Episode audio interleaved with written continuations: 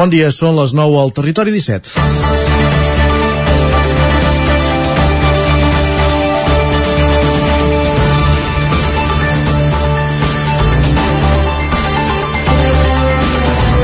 Els qui no la coneixien vam descobrir Clara Roquet com a guionista de 10.000 quilòmetres i alhora que estrenava el seu primer curtmetratge, L'Adiós, l'any 2015.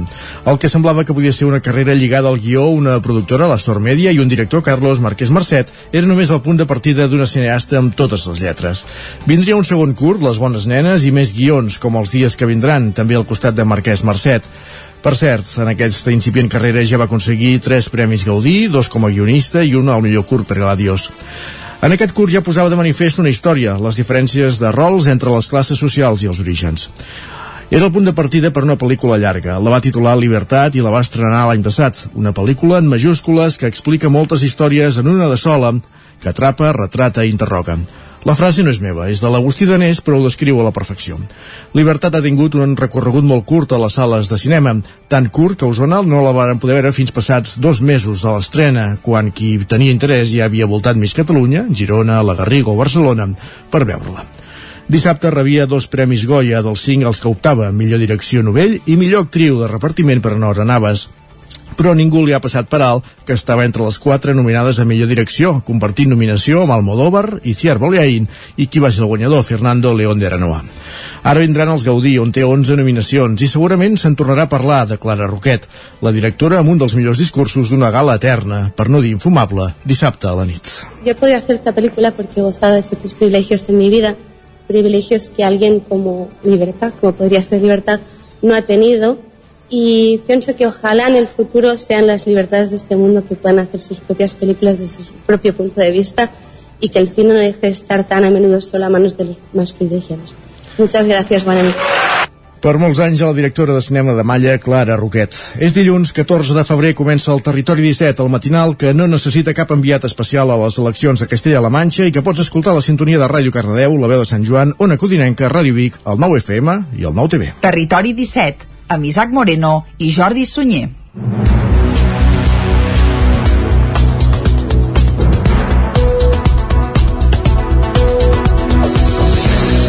I quan passen dos minuts i mig de les 9 del matí, arriba el moment d'acostar-vos tota l'actualitat de les nostres comarques. Abans, però, molt breument ja us afegim i us avancem tot el que farem des d'ara mateix i fins a les 12 del migdia. Durant la primera hora, com sempre, actualitat de les nostres comarques, no de Castella i Lleó. I a partir de les 10, més actualitat encara i tot seguit, l'entrevista. Avui, amb Caral Campàs des d'Ona Codinenca per parlar amb Pere Figuerola, de Castellterçol, tot i que viu a Sant Feliu de Codines, és un dels investigadors de l'Institut Català de Paleontologia que ha descobert una nova espècie de dinosaure que havia viscut als Pirineus. I amb ell parlarem d'aquesta efemèride. Doncs coneixerem tots els detalls d'aquest nou dinosaure, entre cometes, català a l'entrevista. A dos quarts d'onze serà el moment que ens visiti en Guillem Sánchez, amb piulades, passarem per la taula de redacció i després tocarà parlar d'esports.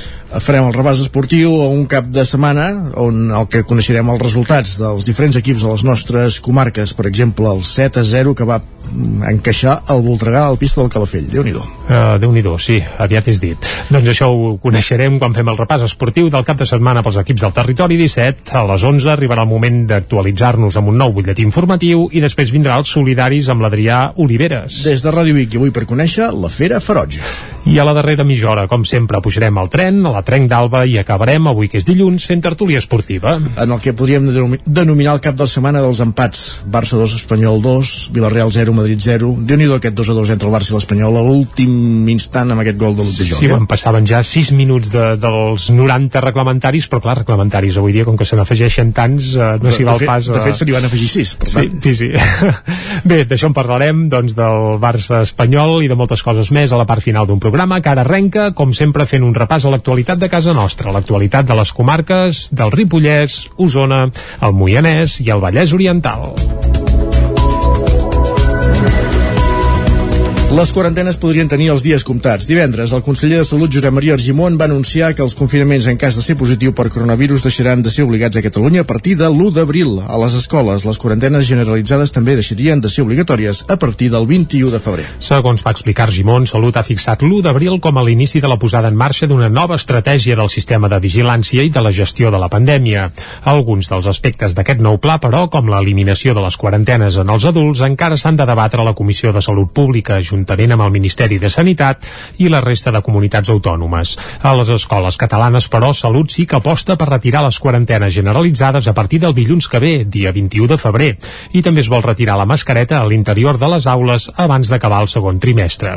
Aquesta retirada es faria de manera gradual, començant pels grups més petits, primer i segon de primària, i es faria de manera esglaonada observant com evoluciona la situació cada 10 o 15 dies. Escoltem el conseller Josep Maria Argimon. Aquesta propera setmana jo crec que tindrem ja l'informe de la ponència d'alertes, el que nosaltres coneixem va una mica en la línia del que proposem, no només nosaltres, sinó també altres territoris, que és el fet d'eliminar aquestes quarantenes, i per tant pensem que aquesta setmana del 21 eh, podrem, doncs, eh, podrem eliminar aquestes quarantenes. Continues amb dos cursos més, i vas fent-ho progressivament desescalat. No em pregunti l'edat, eh? perquè aquest és el següent pas.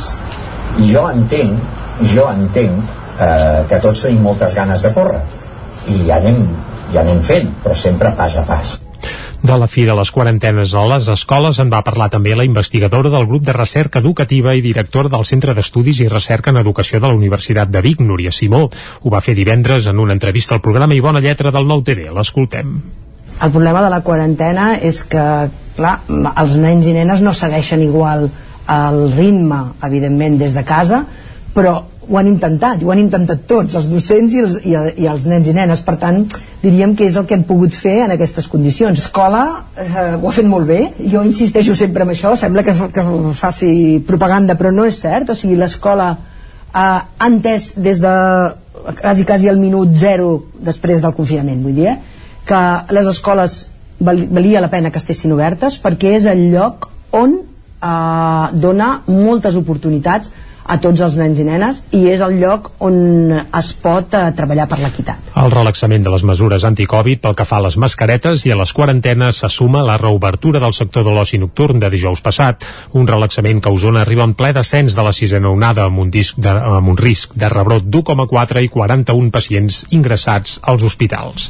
Des de dijous passat, a més, la regió sanitària Catalunya Central ha començat ja administrant als infants d'entre 5 i 11 anys la segona dosi de la vacuna pediàtrica. A Osona aquesta vacunació començarà aquest dimecres en els dos punts de vacunació que hi ha a Vic, el de la Universitat i el CAP Vic Sud. Els infants que han passat la Covid-19 han d'esperar 8 setmanes per administrar-se la segona dosi, però els que han estat contactes estrets poden rebre la vacuna un cop han fet la quarantena. A Osona han rebut la primera dosi pediàtrica 3.317 infants, el que representa un 30,2% de la població d'aquesta franja d'edat. La dosi del vaccí dels infants és d'un terç de la que s'administra als adolescents i adults. Per rebre aquesta segona dosi de la vacuna és necessari demanar cita prèvia a la pàgina web vacunacovidsalut.cat. Caldes de Montbui presenta els usos definitius que tindrà l'Escola del Carme, un antic col·legi propietat de les monges carmelites que ha adquirit l'Ajuntament. Caral Campàs, des d'Ona Codinenca. Finalment, aquest procés ha decidit que el pati estarà obert a la ciutadania. També hi haurà aules per a entitats que seran compartides, una part d'habitatges d'emergència i l'FP de termalisme de l'Institut Manolo Huguet també s'hi desplaçarà en algunes de les aules. Jordi Martín, regidor de Participació Ciutadana, valorava així el procés. Aleshores, ha estat un procés extraordinari. Hi ha hagut molta participació, moltes, moltes entitats, molts ciutadans han, han fet les seves propostes Ciutadans i entitats, a banda de la part presencial, també han pogut aportar idees mitjançant la plataforma online Decidim. Martín detallava també les dues vessants del procés tècnic que s'han dut a terme paral·lelament i entremig hi ha hagut un procés tècnic que, que ha quedat a l'ombra però que avui hem pogut veure que ha estat per un costat eh, el filtratge de totes aquestes propostes filtratge en el sentit de recollir-les totes agrupar-les i després plasmar-les en un avantprojecte. Aquest avantprojecte serà la base del pla especial que regularà els usos d'aquest equipament i que, per tant, el, el, el procés ja està en marxa. En cap moment ens hem aturat. Des del moment de l'adquisició ja hem definit quins seran els possibles usos que podrà tenir aquest equipament. Properament s'enllestirà el pla especial, l'últim document que queda per tenir totes les qüestions tècniques enllestides. Mentrestant, es podran anar utilitzant parts de l'edifici com l'obrador on aquest Nadal ja s'hi va cuinar el caldo de la Fira de l'Olla. Més qüestions, l'edifici d'infantil i primària de l'Institut Escola Mestre Andreu de Sant Joan de les Abadesses es construirà a la Coromina del Bac en un termini de 4 anys gràcies a l'acord de pressupostos entre el govern i en Comú Podem.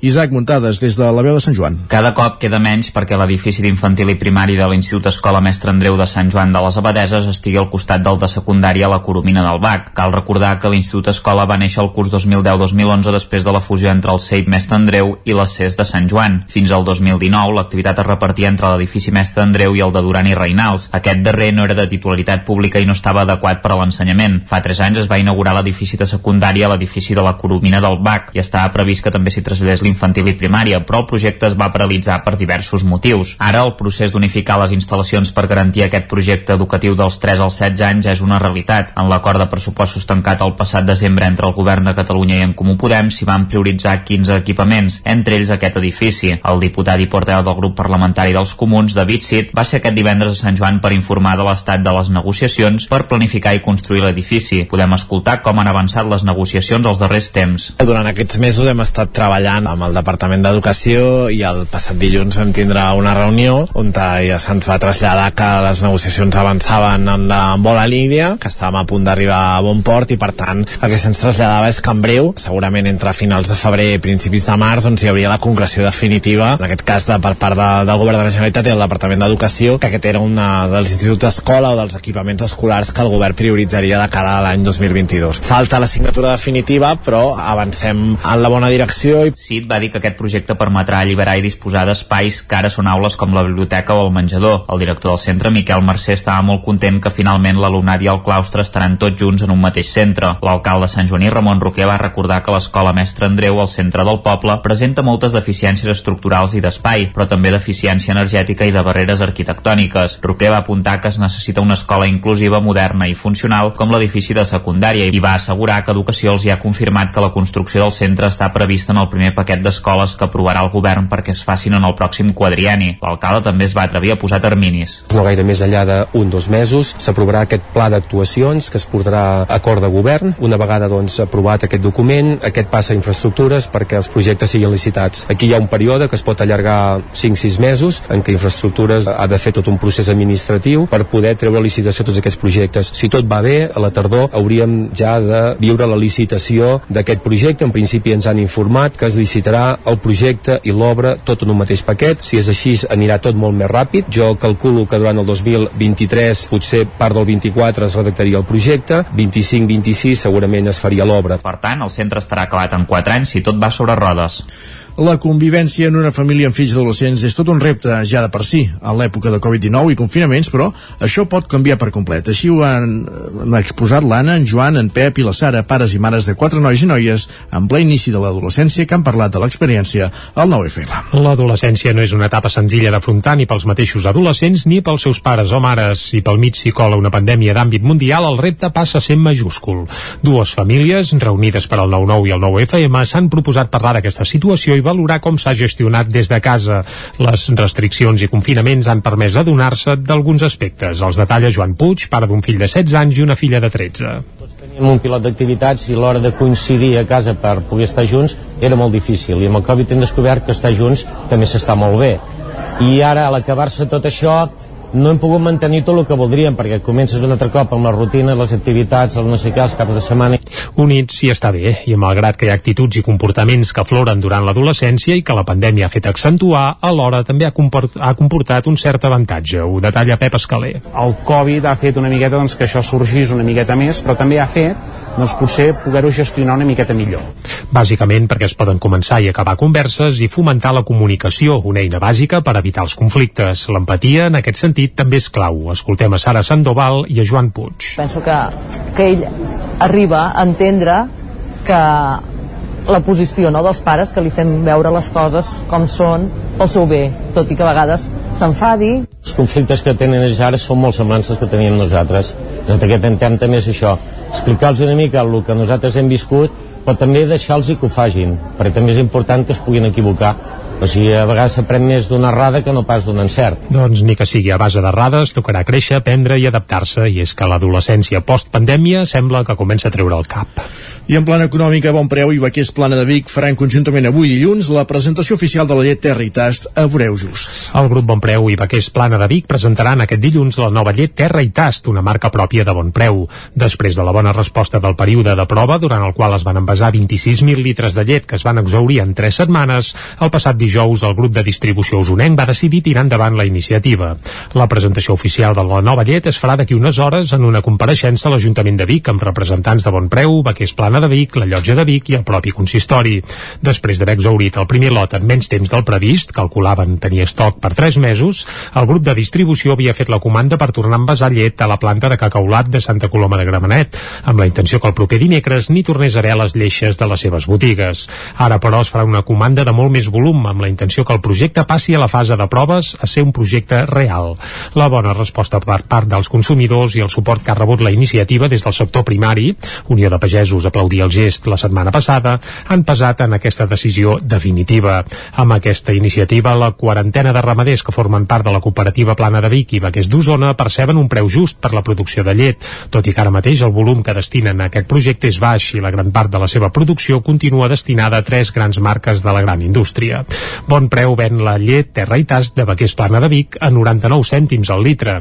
D'aquesta manera pot pagar 41 cèntims i mig per litre de llet i al final els ramaders n'acaben percebent 40 cèntims nets, quantitat lleugerament superior a la que reben per sota del preu de cost dels tres clients principals de Baquers Plana de Vic, Cacaulat, Làctia i Leche Pasqual.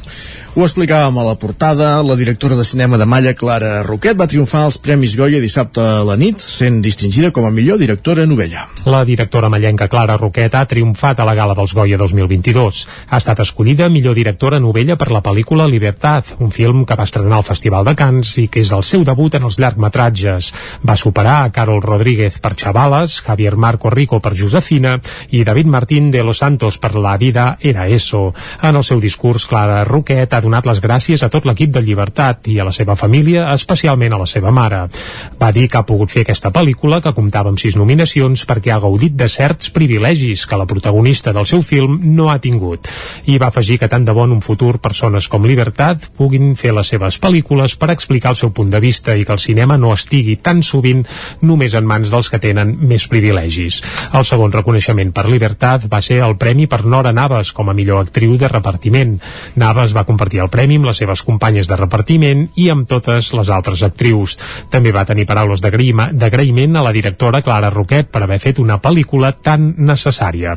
La gala de lliurament dels 3600 Premis Goya es va celebrar dissabte al vespre al Palau de les Arts de València i el granollerí Walter Gallard recollia també dissabte els Goya. El Goya la millor direcció artística per la pel·lícula Les leyes de la frontera. Núria Lázaro des de Ràdio Televisió Cardedeu. El granollerí Walter Gallard ha estat un dels triomfadors dels Premis Goya.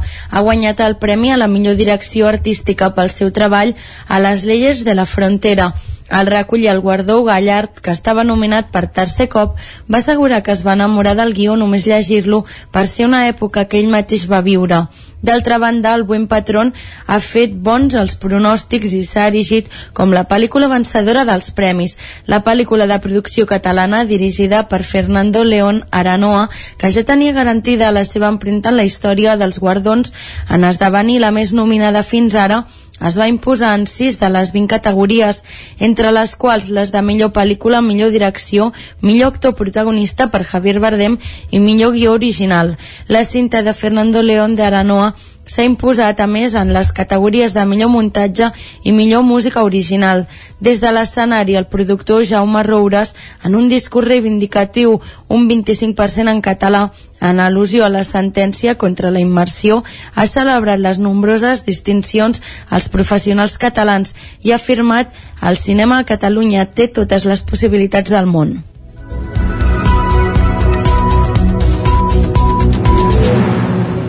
I arribats a aquest punt, moment de conèixer la previsió meteorològica.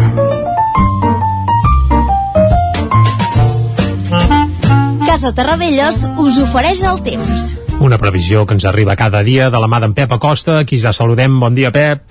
Hola, molt bon dia. I molt bona hora. Ja som a l'espai del temps. Correcte. Per fi és dilluns, També, comença una nova setmana Uh -huh. i espero que tothom li vagi molt, molt bé. Per fi també ha canviat una mica el temps, ha canviat una mica la dinàmica meteorològica que aquesta setmana hem tingut més núvols, hem tingut una petita precipitació, eh, poca cosa, poca cosa, eh, però mira, eh, mireu, a la zona de les nostres comarques, a la zona del país on estem, eh, és un dels jocs on ha pogut més. Eh, cap a 8-9 litres, cap a la zona del Montseny, eh, també cap al Pirineu, entre 5, 6, 7 litres. Eh, és poca cosa, és molt poca cosa, eh, però bueno, eh, és el que deia, almenys ha canviat aquesta dinàmica, ha canviat una mica la tònica eh, d'aquest 2022 pel que fa al temps. També les temperatures han baixat, eh, no hi ha inversió tèrmica, eh, fa més fred alta muntanya que no pas a les valls, eh, l'anticicló ha marxat una mica i ens ha entrat aquest petit eh, front atlàntic. I avui ens continua afectant. Avui serà el dia també, eh, serà un dia eh, bastant ennuvolat, les temperatures mínimes han baixat, ha glaçat a la zona del Pirineu, mínimes de 5, 6, 7 sota 0 són les més altes, a les altres poblacions les temperatures entre 5 i 10 graus positius, eh, per tant que eh, aquesta inversió tèrmica que s'ha tallat, eh, fa bastant més fred a dalt les muntanyes que no pas a les valls, eh, està tapat, eh, cauen quatre gotes, però serà de cara a la tarda, tarda vespre, eh, quan les precipitacions eh, poden ser més importants. Eh, però serà en forma de patac d'aigua, en forma de petites tempestes, sobretot cap a la zona del Montseny, de les Guilleries, eh, del Mollanès, aquestes són les pròximes, és on pot ploure més de cara a aquesta tarda. Entre 10 i 20 litres, esperen això, eh? 10-20 litres en algunes zones, tot i que la majoria de precipitacions seran inferiors a aquests 10 litres. Però no descarto això, eh? Alguna, en algun indret, en alguna zona, que ploguin més de 10 litres, que serà una excel·lent notícia per a tothom. Les temperatures baixaran, de fet les mínimes se registraran al final del dia, eh, temperatures eh, més baixes degut a aquesta nuvolositat, degut a aquest front, aquest front de nord que portarà això, eh, temperatures més baixes a veu de les nostres comarques. I això és tot, a disfrutar aquest dilluns, a disfrutar d'un dia de, de més núvols, de precipitacions sobretot a cara a la tarda, en aquestes zones de muntanya, cap al Montseny i Guilleries, i aviam si hi ha alguna sorpresa i podem tenir eh, això, algun, alguna petita tempesta de més de 10 o 20 litres, que seria una excel·lent notícia. I tant. A la resta, eh, més cap al peritoral i cap al Pirineu-Pirineu, no es preveuen pluges molt importants. La majoria inferiors a aquests 10 litres. Moltes gràcies, adeu. Que vagi bé. Vinga, anem cap al quios. Casa Tarradellas us ha ofert aquest espai. Doncs sí, entrem al quios, perquè si no farem salat. Què diuen avui les portades dels diaris? Comencem pel 9-9 com a bon dilluns. Doncs vinga, comencem pel 9-9 d'Osona i el Ripollès. Titular principal, Manlleu ha superat en un mes el màxim de dies de contaminació que l'OMS permet per tot l'any. Per tant, males notícies pel que fa a la salut de l'aire, eh, en aquest cas a la vila de Manlleu. La fotografia principal per Clara Roquet. Els Goya consoliden l'usonenca Clara Roquet i, evidentment, se la veiu amb un Goya als dits. També el cau de bruixes torna a omplir centelles i mobilitzats contra el tancament d'oficines. Veïns del barri de Montserrat de Torelló s'han organitzat per protestar contra el tancament d'oficines bancàries, un tema del qual aquí Territori 17 ens n'anem fent ressò, malauradament des de ja fa uns quants mesos. Anem cap al 9-9 del Vallès Oriental. Titular principal per 10 ajuntaments ballesans s'alien per protegir i impulsar l'oli d'oliva vera. Demanaran la creació d'una denominació d'origen protegida i a la fotografia es veuen representants dels ajuntaments a la finca Mas Corró de Caldes de Montbui davant d'una olivera mil·lenària. Uh, tots plegats aquí no cullen oli, eh? S'han posat per fer la fotografia. També treballadors de Cricursa es manifesten a la Sagrada Família. I per què ho fan allà? Doncs perquè resulta que aquella famosa estrella que es va il·luminar ara fa unes quantes setmanes, doncs es va fer eh, part d'aquesta empresa, doncs precisament eh, la plantilla de Cricursa la va fer. I es veuen els treballadors amb una pancarta que diu Cricursa estrella a 300 famílies, amb un joc de paraules, doncs així tot, tot curiós. Anem ràpidament a les portades d'àmbit nacional. Comencem pel punt avui. Titular principal, el dol perinatal visible. Un de cada quatre embarassos no arriba a bon terme a Catalunya. Aquest és el titular principal d'una informació que s'amplia amb un reportatge a l'interior del punt avui. També derbi sense amo. Evidentment fa referència al partit d'ahir entre Barça i Espanyol, que va acabar amb empat a dos. Anem cap a l'ara. La fotografia principal també és per aquest derbi, 2 a 2. El Barça salva un punt al derbi. El titular principal, però, sense fotografia a l'ara, és pel PP, que queda en mans de Vox a Castella i Lleó. Recordem que ahir, ahir hi havia eleccions a aquesta comunitat autònoma i eh, Manueco va guanyar, però per poc. I qui passa de 1 a 13 diputats va ser Vox, que ja t'has dit. Més titulars. A l'avantguàrdia, el PP guanya per la mínima i queda a mercè de Vox, que exigeix una coalició. Aquest és el titular principal. També hi apareix el Barça, evidentment, diu el Barça pateix per empatar amb l'Espanyol al minut 96 i és que el gol de l'empat va arribar això al minut 96 quan ja pràcticament eh, ja es donava per fet que, sí, sí, que l'Espanyol s'enduia els 3 punts. El periòdico Castella i Lleó deixa a Casado presoner de Vox. Aquest és el titular principal. Eh, la fotografia pel retorn dels serenos. Agents cívics nocturns de Cornellà patrullen els carrers des de les 11 de la nit fins a les 6 de la matinada. Això passa a Cornellà i el periòdico eh, ens ho explica. També el Barça salva els mobles i empata el derbi en temps de descompte i ràpidament, amb un minutet, fem un cop d'ull a les portades que s'editen des de Madrid. El País, el PP queda a mans de Vox, evidentment fan referència a les eleccions a Castella i Lleó. A l'ABC, el PP guanya, Vox decideix. L'ABC ho té claríssim i en el fons part de raó segur que la tenen. La raó victòria del PP a Castella i Lleó, tot i que també apunten que bé, hi ha una cita, allò obrim cometes de Manueco, i diu Castella i Lleó ha decidit que governi el Partit Popular, això és el que diu eh, el candidat, evidentment, del PP, tot i que també apunten que el partit d'Abascal eh, reivindica el dret a formar govern, i es van oferir ahir a la nit eh, bé, a manar també al costat, de, evidentment, del, del PP i el Mundo. Victòria pírrica, aquest pírrica és seu, eh, textual, de Manueco, que deixa el PP a les mans de Vox. Bany de realitat pel PP, amb un editorial que ja arrenquen a la portada i que després s'estén cap a dins criticant una mica el paper del PP en aquestes eleccions. Perfecte, arribat a aquest punt, eh, fem una pausa i tornem d'aquí 3 minuts. El nou FM, la ràdio de casa, al 92.8. Gràfixer, el seu proveïdor global en rotulació i impressió digital. Oferim servei de disseny, producció i instal·lació de qualsevol projecte en rotulació industrial i comercial. Rètols corporis, senyalització preventiva, senyalització viària, senyalització interior de naus, vinils decoratius per a oficines i establiments comercials, rotulació de vehicles... Confia en els serveis que li pot oferir Gràfixer. Ens trobarà al carrer Lleida 39 de Vic o a gràfixer.com. Cefusol, centre de formació de soldadura GURB. Som especialistes en processos de soldadura. Disposem d'instal·lacions totalment equipades per a classes de teòrica i pràctica amb cabines individuals i equipaments de seguretat. Assessorem empreses i oferim cursos subvencionats i bonificats. Vine i t'informarem. Cefusol, som al carrer Sant Roc, número 9 de GURB. Telèfon 664 206 192. També ens trobaràs a cefusol.com i a YouTube. Cobertes serveis funeraris.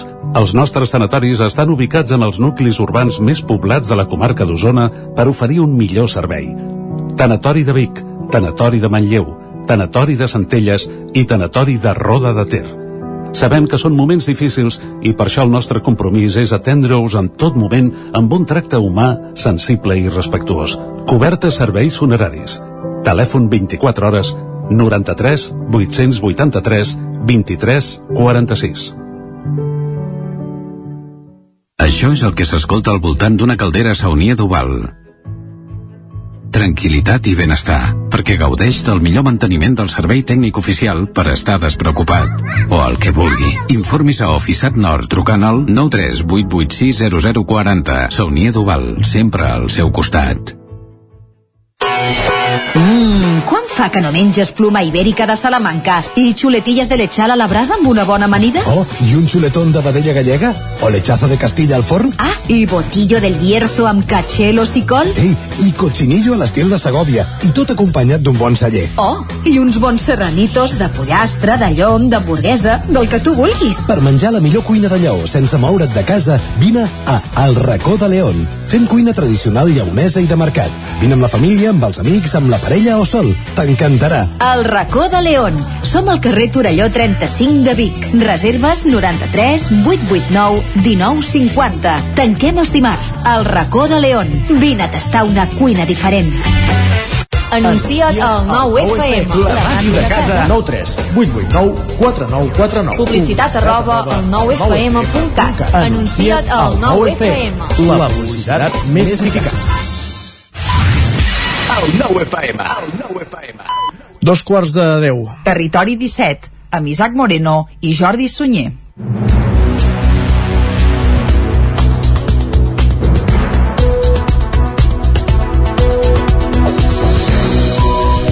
Doncs a dos quarts de deu en punt d'avui dilluns dia 14 de febrer de 2022 el que farem de seguida és acostar-vos de nou tota l'actualitat de casa nostra. Abans però ja us avancem tot el que farem des d'ara i fins al punt de les 12 del migdia. Com sempre abans de les 10 hi posarem una mica de música.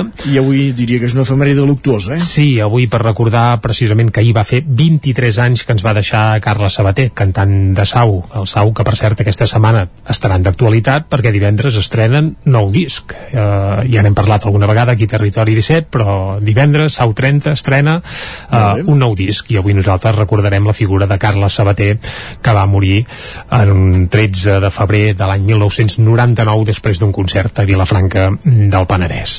A les 10 actualitzarem el butlletí informatiu i tot seguit a l'entrevista avui parlarem de dinosaures, Isaac? Exacte, parlarem eh, des d'una codinenca amb la Caral Campàs, parlarem amb Pere Figuerola de Sant Feliu, investigador de l'Institut Català de Paleontologia sobre la descoberta d'una espècie de dinosaure que havia viscut als Pirineus. Bé, uh, no té res a veure amb les eleccions a Castella i Lleó, eh? Això no, No, eh? allà també Va. hi ha dinosaures, però sí. nosaltres. Va, seguim. A dos quarts d'onze serà el moment de les piulades, després passarem per la taula de redacció i tot seguit repassarem com els ha anat esportivament parlant al cap de setmana els equips del nostre territori. Per exemple, parlarem de la, de la primera... de la de la primera catalana, la primera de catalana futbol. de futbol. Sí, sí, és que ara em lio amb les, amb les divisions, on hi ha un triple empat, ai, un, un, les tres primeres posicions copades per equips usonencs. déu nhi I l'última també, per cert, eh? Per això... Sí.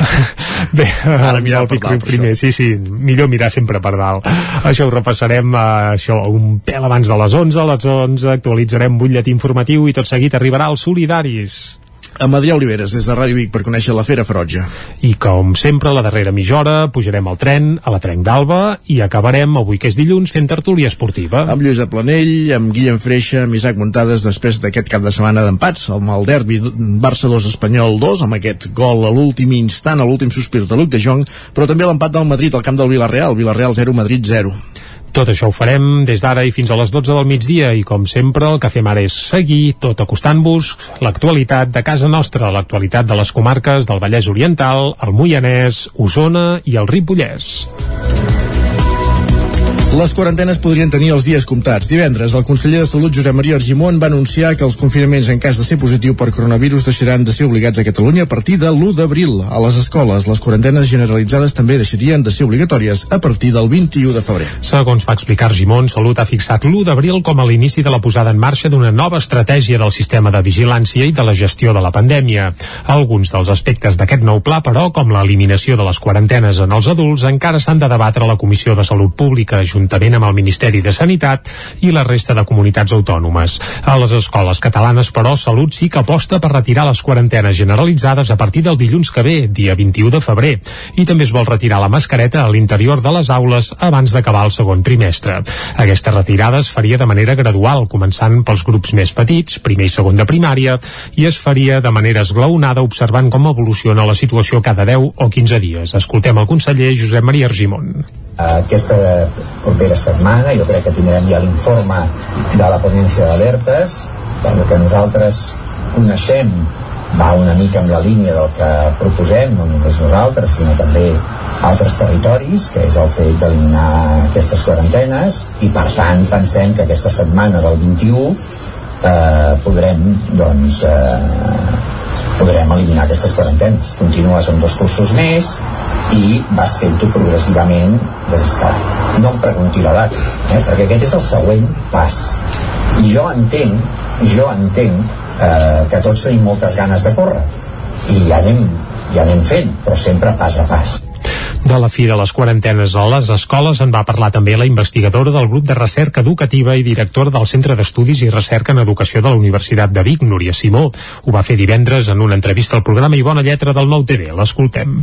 El problema de la quarantena és que, clar, els nens i nenes no segueixen igual el ritme, evidentment, des de casa, però ho han intentat, ho han intentat tots, els docents i els, i, i els nens i nenes, per tant, diríem que és el que hem pogut fer en aquestes condicions. L'escola eh, ho ha fet molt bé, jo insisteixo sempre en això, sembla que, que faci propaganda, però no és cert, o sigui, l'escola eh, ha entès des de quasi, quasi el minut zero després del confinament, vull dir, eh, que les escoles val, valia la pena que estessin obertes perquè és el lloc on eh, dona moltes oportunitats a tots els nens i nenes i és el lloc on es pot eh, treballar per l'equitat. El relaxament de les mesures anticovid pel que fa a les mascaretes i a les quarantenes se suma la reobertura del sector de l'oci nocturn de dijous passat, un relaxament que a Osona arriba en ple descens de la sisena onada amb un, disc de, amb un risc de rebrot d'1,4 i 41 pacients ingressats als hospitals.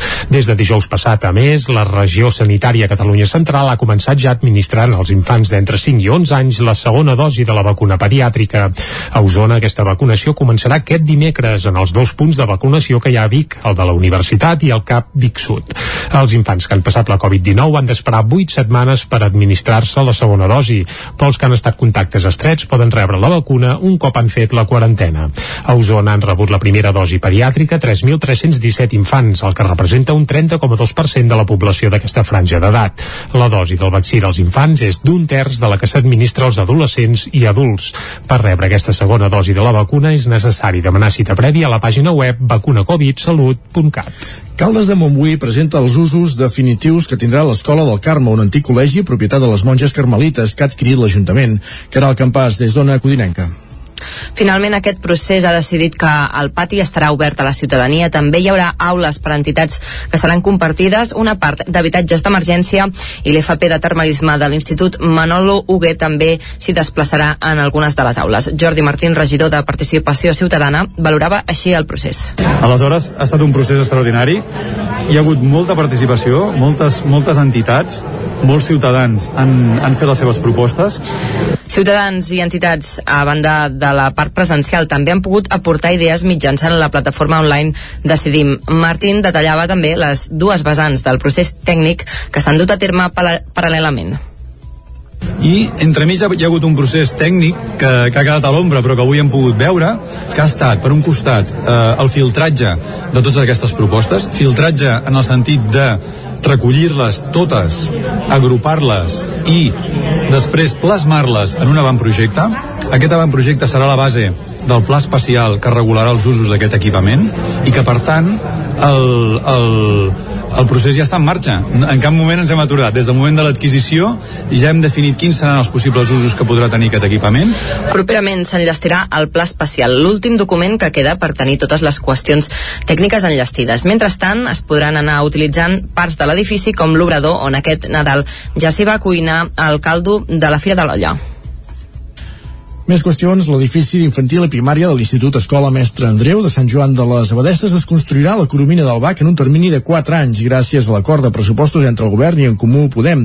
Isaac Muntades, des de la veu de Sant Joan. Cada cop queda menys perquè l'edifici d'infantil i primari de l'Institut Escola Mestre Andreu de Sant Joan de les Abadeses estigui al costat del de secundària a la Coromina del Bac. Cal recordar que l'Institut Escola va néixer el curs 2010-2011 després de la fusió entre el CEIP Mestre Andreu i les CES de Sant Joan. Fins al 2019 l'activitat es repartia entre l'edifici Mestre Andreu i el de Duran i Reinals. Aquest darrer no era de titularitat pública i no estava adequat per a l'ensenyament. Fa tres anys es va inaugurar l'edifici de secundària a l'edifici de la Coromina del BAC i estava previst que també s'hi traslladés l'infantil i primària, però el projecte es va paralitzar per diversos motius. Ara el procés d'unificar les instal·lacions per garantir aquest projecte educatiu dels 3 als 16 anys és una realitat. En l'acord de pressupostos tancat el passat desembre entre el govern de Catalunya i en Comú Podem s'hi van prioritzar 15 equipaments, entre ells aquest edifici. El diputat i portaveu del grup parlamentari dels Comuns, David Cid, va ser aquest divendres a Sant Joan per informar de l'estat de les negociacions per planificar i construir l'edifici. Podem escoltar com han avançat les negociacions els darrers temps. Durant aquests mesos hem estat treballant amb el Departament d'Educació i el passat dilluns vam tindre una reunió on ja se'ns va traslladar que les negociacions avançaven en la bona línia, que estàvem a punt d'arribar a bon port i per tant el que se'ns traslladava és que en breu, segurament entre finals de febrer i principis de març, doncs hi hauria la concreció definitiva, en aquest cas de, per part de, del Govern de la Generalitat i el Departament d'Educació, que aquest era un dels instituts d'escola o dels equipaments escolars que el govern prioritzaria de cara a l'any 2022. Falta la signatura definitiva, però avancem en la bona direcció. I... Cid va dir que aquest projecte permetrà alliberar i disposar d'espais que ara són aules com la biblioteca o el menjador. El director del centre, Miquel Mercè, estava molt content que finalment l'alumnat i el claustre estaran tots junts en un mateix centre. L'alcalde Sant Joaní Ramon Roquer va recordar que l'escola Mestre Andreu, al centre del poble, presenta moltes deficiències estructurals i d'espai, però també deficiència energètica i de barreres arquitectòniques. Roquer va apuntar que es necessita una escola inclusiva, moderna i funcional com l'edifici de secundària i va assegurar que Educació els hi ha confirmat que la construcció del centre està prevista en el primer paquet d'escoles que aprovarà el govern perquè es facin en el pròxim quadrieni. L'alcalde també es va atrevir a posar terminis. No gaire més enllà d'un dos mesos s'aprovarà aquest pla d'actuacions que es portarà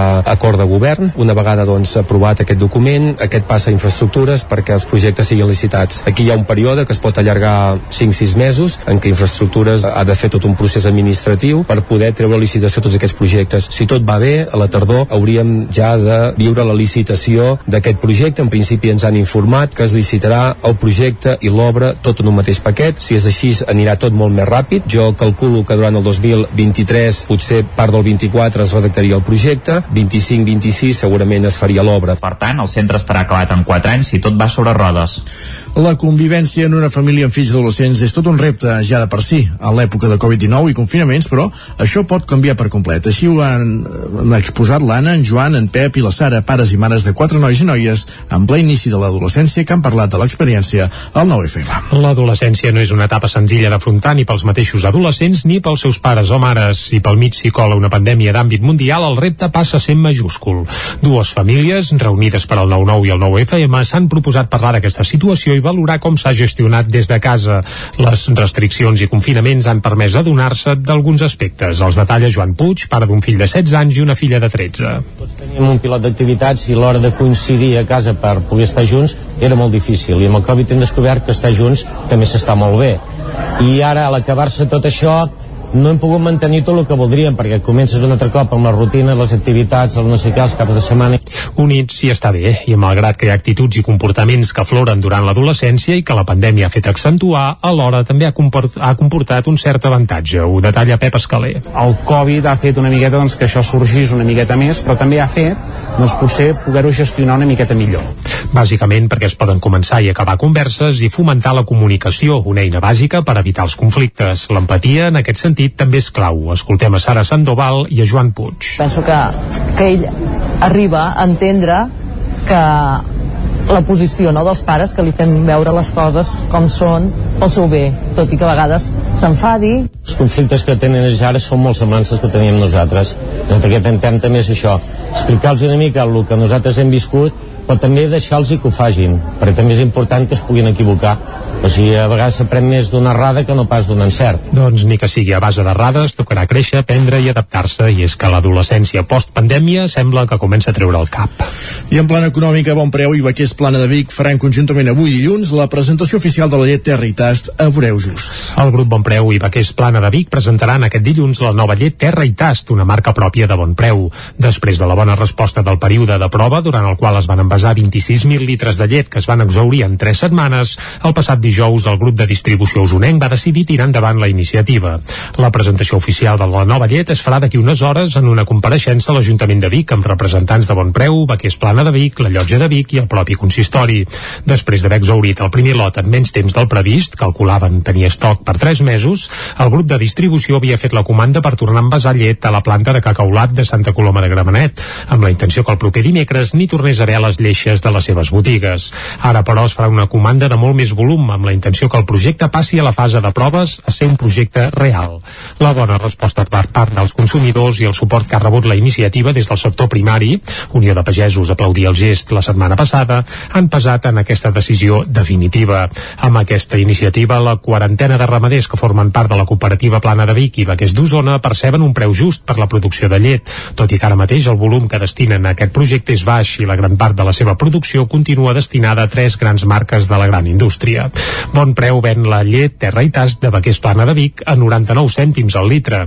D'aquesta manera pot pagar 41 cèntims i mig per litre de llet i al final els ramaders n'acaben percebent 40 cèntims nets, quantitat lleugerament superior a la que reben per sota del preu de cost dels tres clients principals de Baquers Plana de Vic, Cacaulat, Làctia i Leche Pasqual. Ho explicàvem a la portada, la directora de cinema de Malla, Clara Roquet, va triomfar als Premis Goya dissabte a la nit, sent distingida com a millor directora novella. La directora mallenca Clara Roquet ha triomfat a la gala dels Goya 2022. Ha estat escollida millor directora novella per la pel·lícula Libertad, un film que va estrenar al Festival de Cannes i que és el seu debut en els llargmetratges. Va superar a Carol Rodríguez per Chavalas, Javier Marco Rico per Josefina i David Martín de Los Santos per La vida era eso. En el seu discurs, Clara Roquet ha donat les gràcies a tot l'equip de Llibertat i a la seva família, especialment a la seva mare. Va dir que ha pogut fer aquesta pel·lícula, que comptava amb sis nominacions, perquè ha gaudit de certs privilegis que la protagonista del seu film no ha tingut.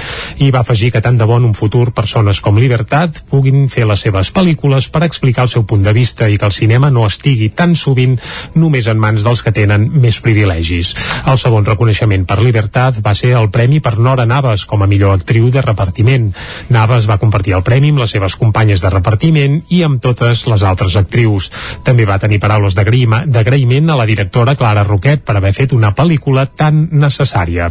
La gala de lliurament dels 3600 Premis Goya es va celebrar dissabte al vespre al Palau de les Arts de València. I el granollerí Walter Gallard recollia també dissabte els Goya, el Goya la millor direcció artística per la pel·lícula Les leyes de la frontera, Núria Lázaro, des de Ràdio Televisió Cardedeu. El granollerí Walter Gallard ha estat un dels triomfadors dels Premis Goya. Ha guanyat el premi a la millor direcció artística pel seu treball a Les leyes de la frontera. Al recollir el guardó, Gallard, que estava nominat per tercer cop, va assegurar que es va enamorar del guió només llegir-lo per ser una època que ell mateix va viure. D'altra banda, el Buen Patrón ha fet bons els pronòstics i s'ha erigit com la pel·lícula vencedora dels premis. La pel·lícula de producció catalana dirigida per Fernando León Aranoa, que ja tenia garantida la seva empremta en la història dels guardons en esdevenir la més nominada fins ara es va imposar en 6 de les 20 categories, entre les quals les de millor pel·lícula, millor direcció, millor actor protagonista per Javier Bardem i millor guió original. La cinta de Fernando León de Aranoa s'ha imposat a més en les categories de millor muntatge i millor música original. Des de l'escenari, el productor Jaume Roures, en un discurs reivindicatiu, un 25% en català, en al·lusió a la sentència contra la immersió, ha celebrat les nombroses distincions als professionals catalans i ha afirmat el cinema a Catalunya té totes les possibilitats del món.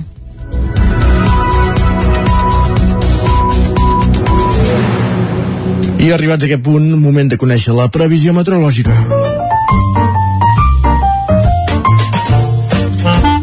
Casa Terradellos us ofereix el temps. Una previsió que ens arriba cada dia de la mà d'en Pep Acosta, qui ja saludem. Bon dia, Pep. Hola, molt bon dia. I molt bona hora. Ja som a l'espai del temps. Correcte. Per fi és dilluns, També, comença bé. una nova setmana Uh -huh. i espero que tothom li vagi molt, molt bé. Per fi també ha canviat una mica el temps, ha canviat una mica la dinàmica meteorològica que aquesta setmana. Hem tingut més núvols, hem tingut una petita precipitació, uh, poca cosa, poca cosa, uh, però mira, uh, mireu, a la zona de les nostres comarques, a la zona del país on estem, uh, és un dels jocs on ha pogut més. Uh, cap a 8-9 litres cap a la zona del Montseny uh, també cap al Pirineu entre 5 6 7 litres. Uh, és poca cosa. És molt poca cosa. Uh, però bueno uh, és el que deia, almenys ha canviat aquesta dinàmica.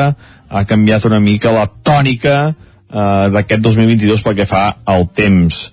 També les temperatures han baixat. Uh, no hi ha inversió tèrmica.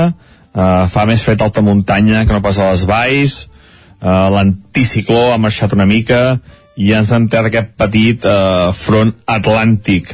I avui ens continua afectant. Avui serà el dia també eh, serà un dia eh, bastant ennubulat les temperatures mínimes han baixat ha glaçat a la zona del Pirineu mínimes de 5, 6, 7 sota 0 són les més altes. A les altres poblacions les temperatures entre 5 i 10 graus positius uh, tant el que deia eh, aquesta inversió tèrmica que s'ha tallat uh, fa bastant més fred a dalt les muntanyes que no pas a les valls uh, està tapat uh, cauen quatre gotes però serà de cara a la tarda tarda vespre uh, quan les precipitacions uh, poden ser més importants. Uh, però serà en forma de patac d'aigua, en forma de petites tempestes sobretot cap a la zona del Montseny, de les Guilleries, eh, del Mollanès, aquestes zones pròximes, és on pot ploure més de cara a aquesta tarda.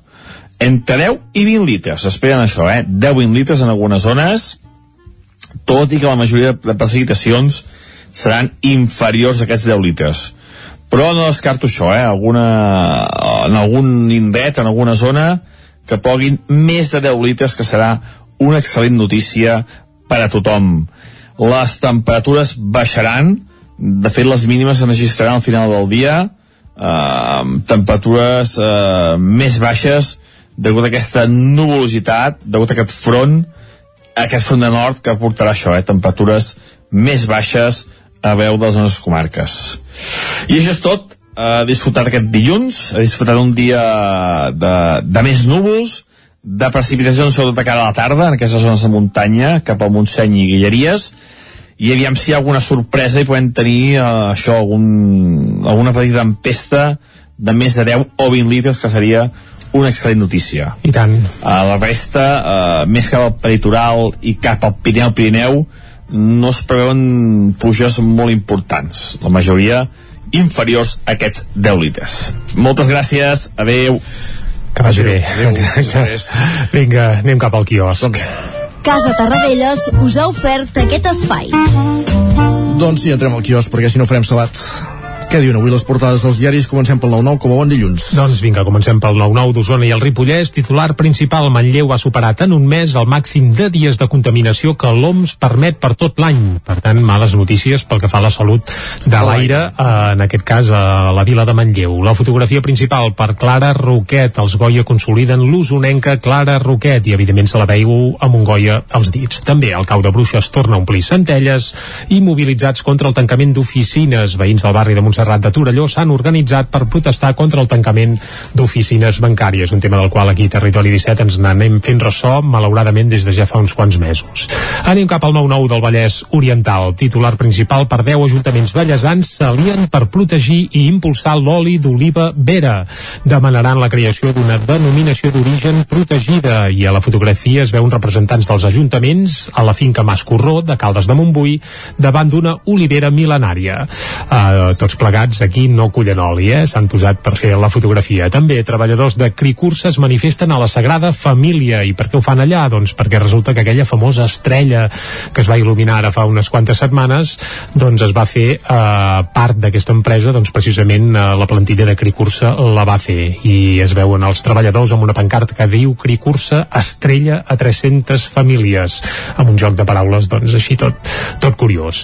Anem ràpidament a les portades d'àmbit nacional, comencem pel punt avui, titular principal, el dol perinatal visible. Un de cada quatre embarassos no arriba a bon terme a Catalunya. Aquest és el titular principal d'una informació que s'amplia amb un reportatge a l'interior del punt avui. També derbi sense amo. Evidentment fa referència al partit d'ahir entre Barça i Espanyol, que va acabar amb empat a dos. Anem cap a l'ara, la fotografia principal també és per aquest derbi, 2 a 2. El Barça salva un punt al derbi. El titular principal, però, sense fotografia a l'ara, és pel PP, que queda en mans de Vox a Castella i Lleó. Recordem que ahir, ahir hi havia eleccions a aquesta comunitat autònoma i eh, Manueco va guanyar, però per poc. I qui passa 1 a 13 diputats va ser Vox, que ja t'he dit. Més titulars. A l'avantguàrdia, el PP guanya per la mínima i queda a mercè de Vox, que exigeix una coalició. Aquest és el titular principal. També hi apareix el Barça, evidentment, diu el Barça pateix per empatar amb l'Espanyol al minut 96 i és que el gol de l'empat va arribar això al minut 96 quan ja pràcticament eh, ja es donava per fet que, sí, sí, que l'Espanyol s'enduia els 3 punts. El periòdico Castella i Lleó deixa a Casado presoner de Vox. Aquest és el titular principal. Eh, la fotografia pel retorn dels serenos. Agents cívics nocturns de Cornellà patrullen els carrers des de les 11 de la nit fins a les 6 de la matinada. Això passa a Cornellà i el periòdico eh, ens ho explica. També el Barça salva els mobles i empata el derbi en temps de descompte i ràpidament, amb un minutet, fem un cop d'ull de les portades que s'editen des de Madrid. El país, el PP queda a mans de Vox, evidentment fan referència a les eleccions a Castella i Lleó. A l'ABC, el PP guanya, Vox decideix. L'ABC ho té claríssim i en el fons part de raó segur que la tenen. La raó victòria del PP a Castella i Lleó, tot i que també apunten que bé, hi ha una cita allò obrint cometes de Manueco, diu Castella i Lleó ha decidit que governi el Partit Popular. Això és el que diu eh, el candidat evidentment del PP tot i que també apunten que el partit d'Abascal eh, reivindica el dret a formar govern. I es van oferir ahir la nit eh, bé, a manar també al costat de, evidentment del del PP i el Mundo. Victòria pírrica, aquest pírrica és seu, eh, textual de Manueco que deixa el PP a les mans de Vox. Bany de realitat pel PP, amb un editorial que ja arrenquen a la portada i que després s'estén cap a dins criticant una mica el paper del PP en aquestes eleccions. Doncs vinga, ja les hem superat, aquestes eleccions a la Castella-La Manxa i déu nhi la sorpresa. Bueno, sorpresa Bé, no. sorpresa no, es veia a veure, no. tot i que cal dir que, clar, el PP les va convocar, recordem que no havien pas passat 4 anys, Correcte. les va convocar per, bàsicament, per desfer-se de Ciutadans, ras i curt, i optar a la majoria absoluta, i n'han quedat força lluny. El que passa Correcte. que, clar, en l'òptica ibèrica... Ciutadans, i és, però, però sí. depenen de Vox, ves. Correcte, i en l'òrbita ibèrica, evidentment, tothom ha interpretat el que li ha calgut, però clar, el PP té clar que això és un canvi de cicle, com va passar ja a Madrid, i que, escolta, han guanyat ells, i bé, cadascú, com passa sempre, eh, enviarem escombra l'aigua cap al seu molí, o diguem-hi com vulguem. Posem-hi música? Posem-hi música, de fet ja està sonant de fons. Ah, exacte, ja està sonant de fons. La cançó que estem escoltant és Envia'm un àngel i bé, avui la dediquem a Carles Sabater, del qual ahir es va complir el 23è ja aniversari de la seva mort, el cantant de Sau que ens va deixar després d'un concert a Vilafranca del Penedès, això un 13 de febrer i era l'any 1999 i jo encara me'n recordo i tu Isaac potser també, eh? I tant, me'n recordo de qui em va donar la, donar la notícia i, i en quin context. Ara, clar, doncs explico, va, com No, va no, això. eh. Ah. doncs mira, va, casualment, va, en aquella època treballava en un bar a Vic, Uh -huh. i es, clar, al matí et lleves a casa vas a treballar, no, no mires notícies ni res no, no hi havia internet a aquella època i va entrar Antoni Coromina que també ja ha passat a millor vida malauradament, i ens va veure allà dos cambrers joves i ens ho va dir Carai. no ens coneixia de res i ens ho va deixar anar Barrufa, doncs va, ens quedem amb el record a Carles Sabater de Sau, del qual ahir es va complir el 23è aniversari de, bé, de que s'ha convertit, diguem-ne, en un àngel. Va, a les 10 tornem, a Territori 17.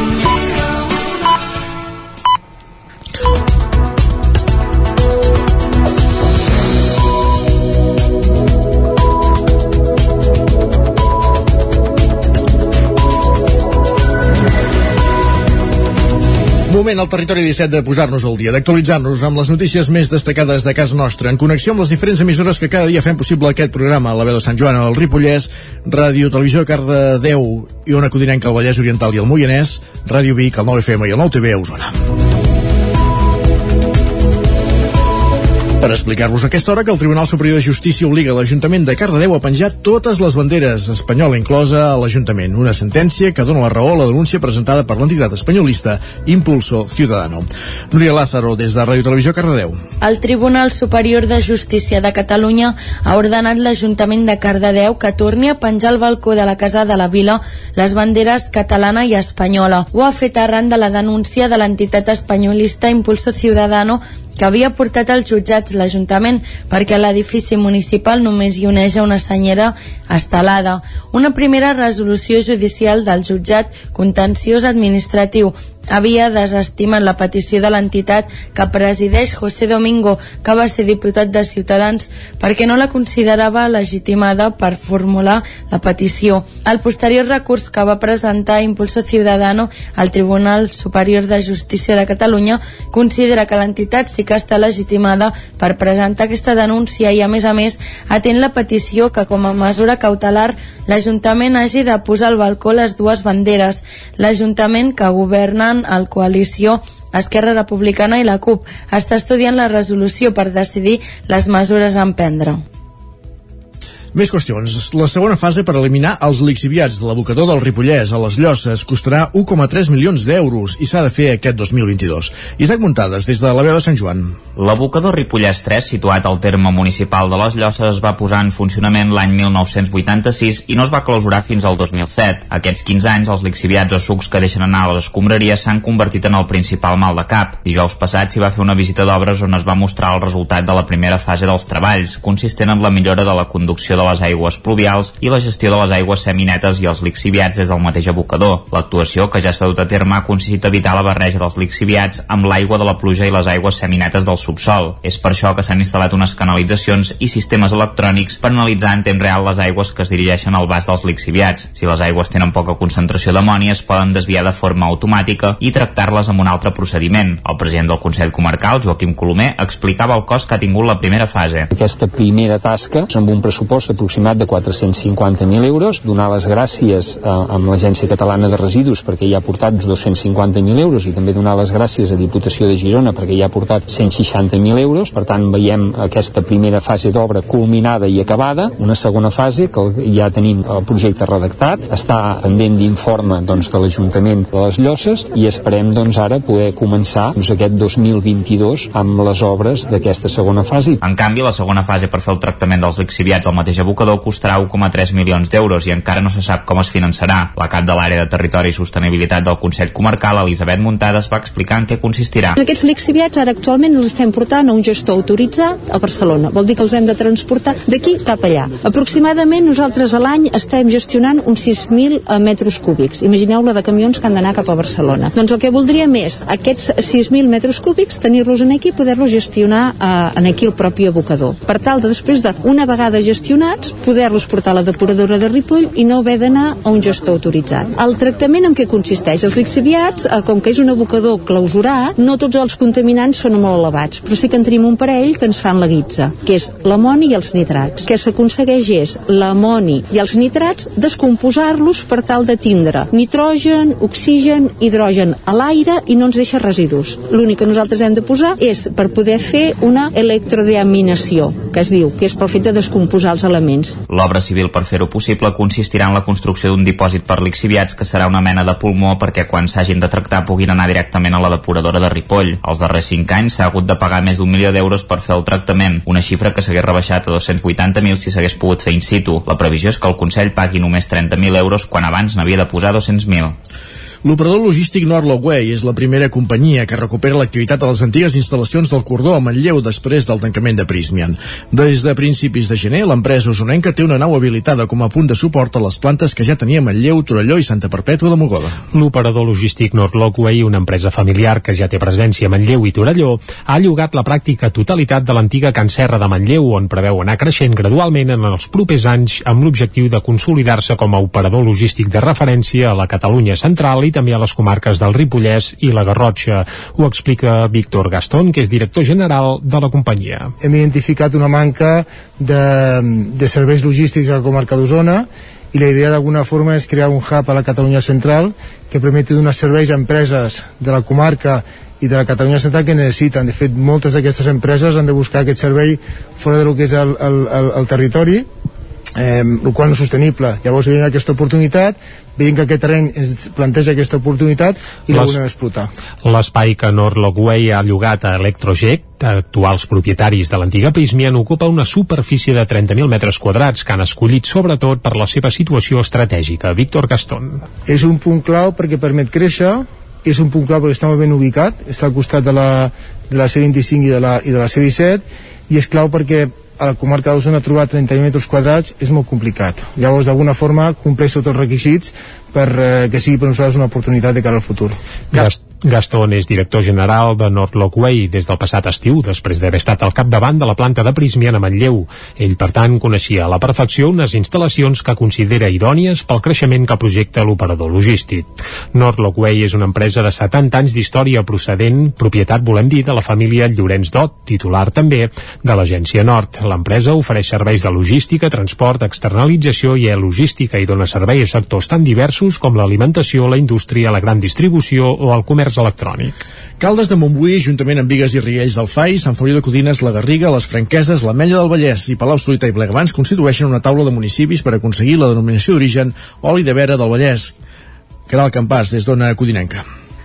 Deu ajuntaments del Vallès Oriental i Occidental han acordat un front comú per aconseguir aquesta denominació d'origen per a l'oli obtingut de l'olivera Vera, una varietat autòctona de les dues comarques. El conreu d'aquesta varietat és històric, però en petites produccions. De fet, entre les dues comarques agrupen una quarantena de petits productors. Sentim Isidre Pineda, alcalde de Caldes, a la reunió al Mascorró, on es va donar el tret de sortida oficial a aquest procés aquest divendres.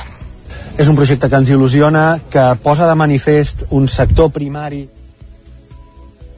nostre territori. És evident de que estem parlant d'una sisena denominació d'origen de, de Catalunya que ens agradaria constituir molt diferent a les altres perquè eh, estem parlant de, de l'oli més metropolità, més proper a Barcelona, probablement amb uns petits productors eh, que fan una gran qualitat però que són encara, evidentment, molt petits. El fet de que són petits productors que fan un producte eh, d'una gran qualitat eh, és el valor és el valor més gran que té i, i de cap manera volem equiparar-nos a les eh, de més grans denominacions d'origen perquè aquí aquesta, eh, aquest àmbit territorial del Vallès és molt diferent que, que altres produccions eh, o altres productors més grans S'ha decidit constituir aquesta taula de treball entre els municipis amb la possibilitat de poder incorporar altres zones en un futur per tal d'integrar el màxim de sensibilitats i municipis que puguin tenir la varietat Vera. Pineda detalla els següents passos que se seguiran.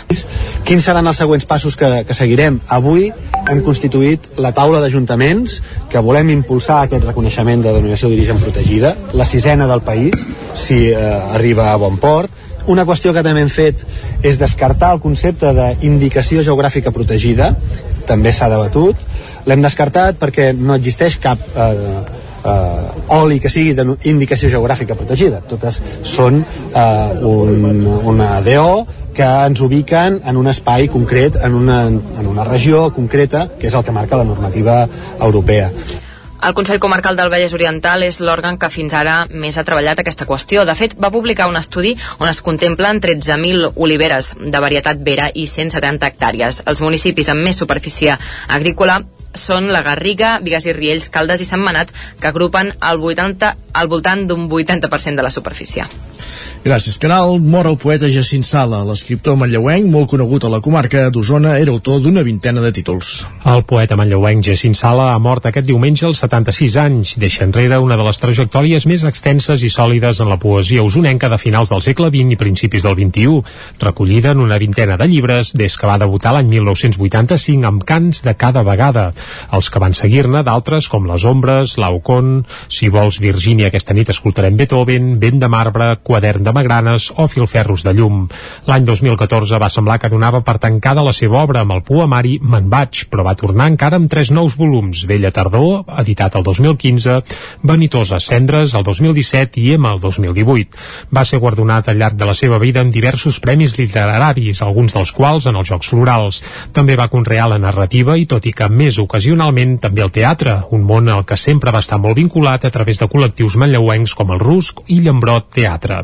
Llicenciat en Pedagogia, va dirigir durant uns anys l'obra social i cultural de l'antiga Caixa Manlleu, fins que les complicacions de la diabetis que patia el van obligar a deixar la feina. Des de llavors va intensificar la seva dedicació a l'escriptura. Una visita a l'exposició permanent de ceràmica del Museu Episcopal de Vic va donar divendres el tret de sortida a les activitats del nou semestre del programa Vic Cultura i Alzheimer 2022, amb l'objectiu de millorar el seu benestar emocional i potenciar-ne l'autoestima a persones diagnosticades d'Alzheimer. Cuidadores i educadores socials de Vic van fer un recorregut adoptat pel museu. Una trentena de persones van participar divendres a l'activitat que donava el tret de sortida al nou semestre del programa Vic Cultura i Alzheimer 2022, una visita per a l'exposició permanent de ceràmica que hi ha al Museu Episcopal municipal. Seguien l'explicació amb atenció a les persones diagnosticades d'Alzheimer, cuidadores i educadores socials de les Germanetes dels Pobres de Vic i de la Fundació Aixes de la Universitat Bigatana. L'objectiu del programa és millorar el benestar emocional de les persones amb Alzheimer a través de la cultura, trencar estigmes i també potenciar-ne l'autoestima.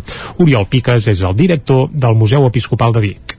Contactar i posar en contacte entre el que havia estat la vida quotidiana de les persones fa molts anys i ells és una cosa que incentiva diguéssim eh, l'activitat mental etc. i no solament veure sinó que farem tallers, farem música farem activitat de psicomotricitat perquè són aquests elements que ens diuen en els que sabem sobretot de gestionar col·leccions i uns públics, etc que és el que necessiten aquestes persones. Per això és tan important aquest treball interdisciplinari.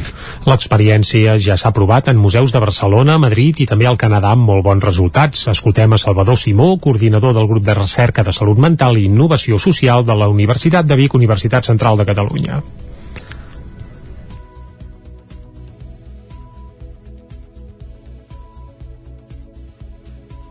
Bé, de moment no podem escoltar Salvador Simó. A partir d'ara, cada mes es farà una nova activitat gratuïta en el marc d'aquest cicle. El mes vinent, l'activitat, impulsada per l'Ajuntament de Vic, es traslladarà a l'ACVIC, al Centre d'Arts Contemporànies. Per participar-hi cal inscriure's prèviament. I en l'àmbit esportiu, aquests dies que s'estan fent els Jocs Olímpics d'hivern a Pequín, us expliquem que desplaçat allà hi ha un biguetà. És Joan Oriols, que lidera l'equip nacional d'esquí femení de l'Argentina, fent-hi d'entrenador.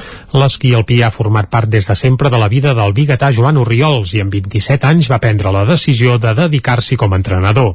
L'experiència que ja tenia com a esquiador de l'equip estatal en categories inferiors, juntament amb la formació que va fer com a tècnic esportiu superior en esquí alpí, li han permès obrir-se camí amb el pas dels anys com a entrenador nacional, feina que ha exercit com a responsable dels equips de la Federació Espanyola, la Federació Andorrana, la Catalana, l'equip d'esquí de Nova Zelanda i actualment és el cap de l'equip nacional de l'Argentina. El Bigatà és un dels integrants del selecte grup de tècnics de la Copa del Món d'Esquí, on és l'únic català al capdavant d'un equip nacional i aquests dies és a Pequín acompanyant l'esquiadora argentina Francesca Baruzzi, que competirà, que competirà volem dir, als Jocs Olímpics. La feina amb l'Argentina va començar fa 4 anys amb l'inici amb l'inici del cicle olímpic i tenia com a objectiu arribar a Pequín en un bon moment de forma amb Baruzzi. Un cop acabi la cita xinesa, finalitzarà també el contracte del tècnic biguetà. La seva intenció, però, seria continuar amb el projecte a l'Argentina i amb Francesca Baruzzi, que segons Oriols té un gran potencial. Perfecte, arribem al final d'aquest eh, repàs informatiu que començàvem a les 10 amb Núria Lázaro, Caral Campàs, Jordi Sunyer i Isaac Montades, moment de la previsió meteorològica.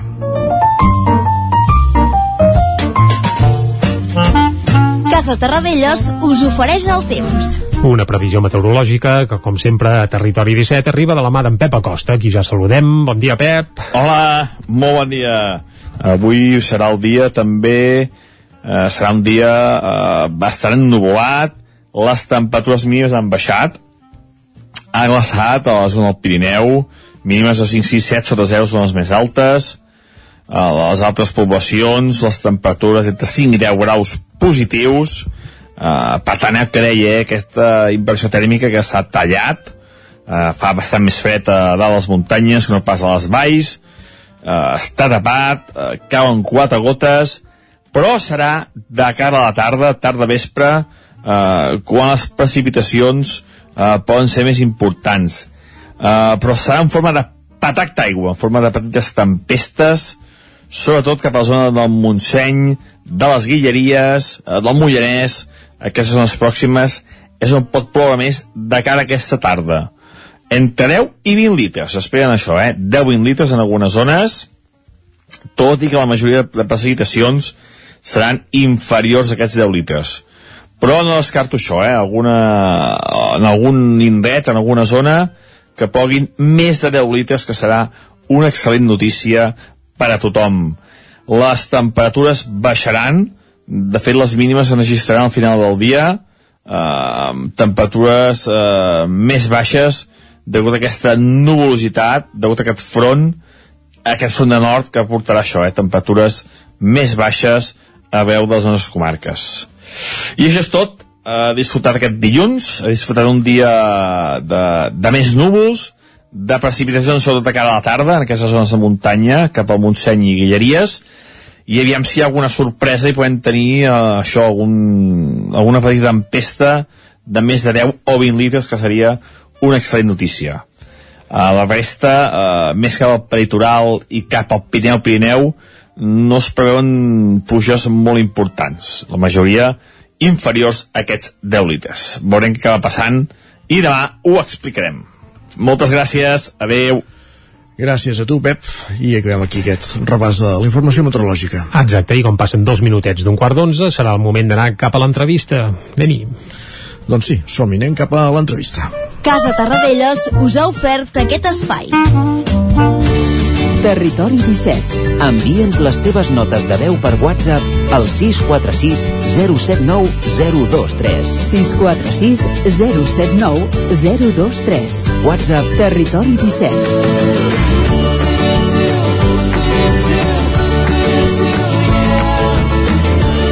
Territori 17. Som a Facebook, Twitter i Instagram amb l'usuari Territori 17.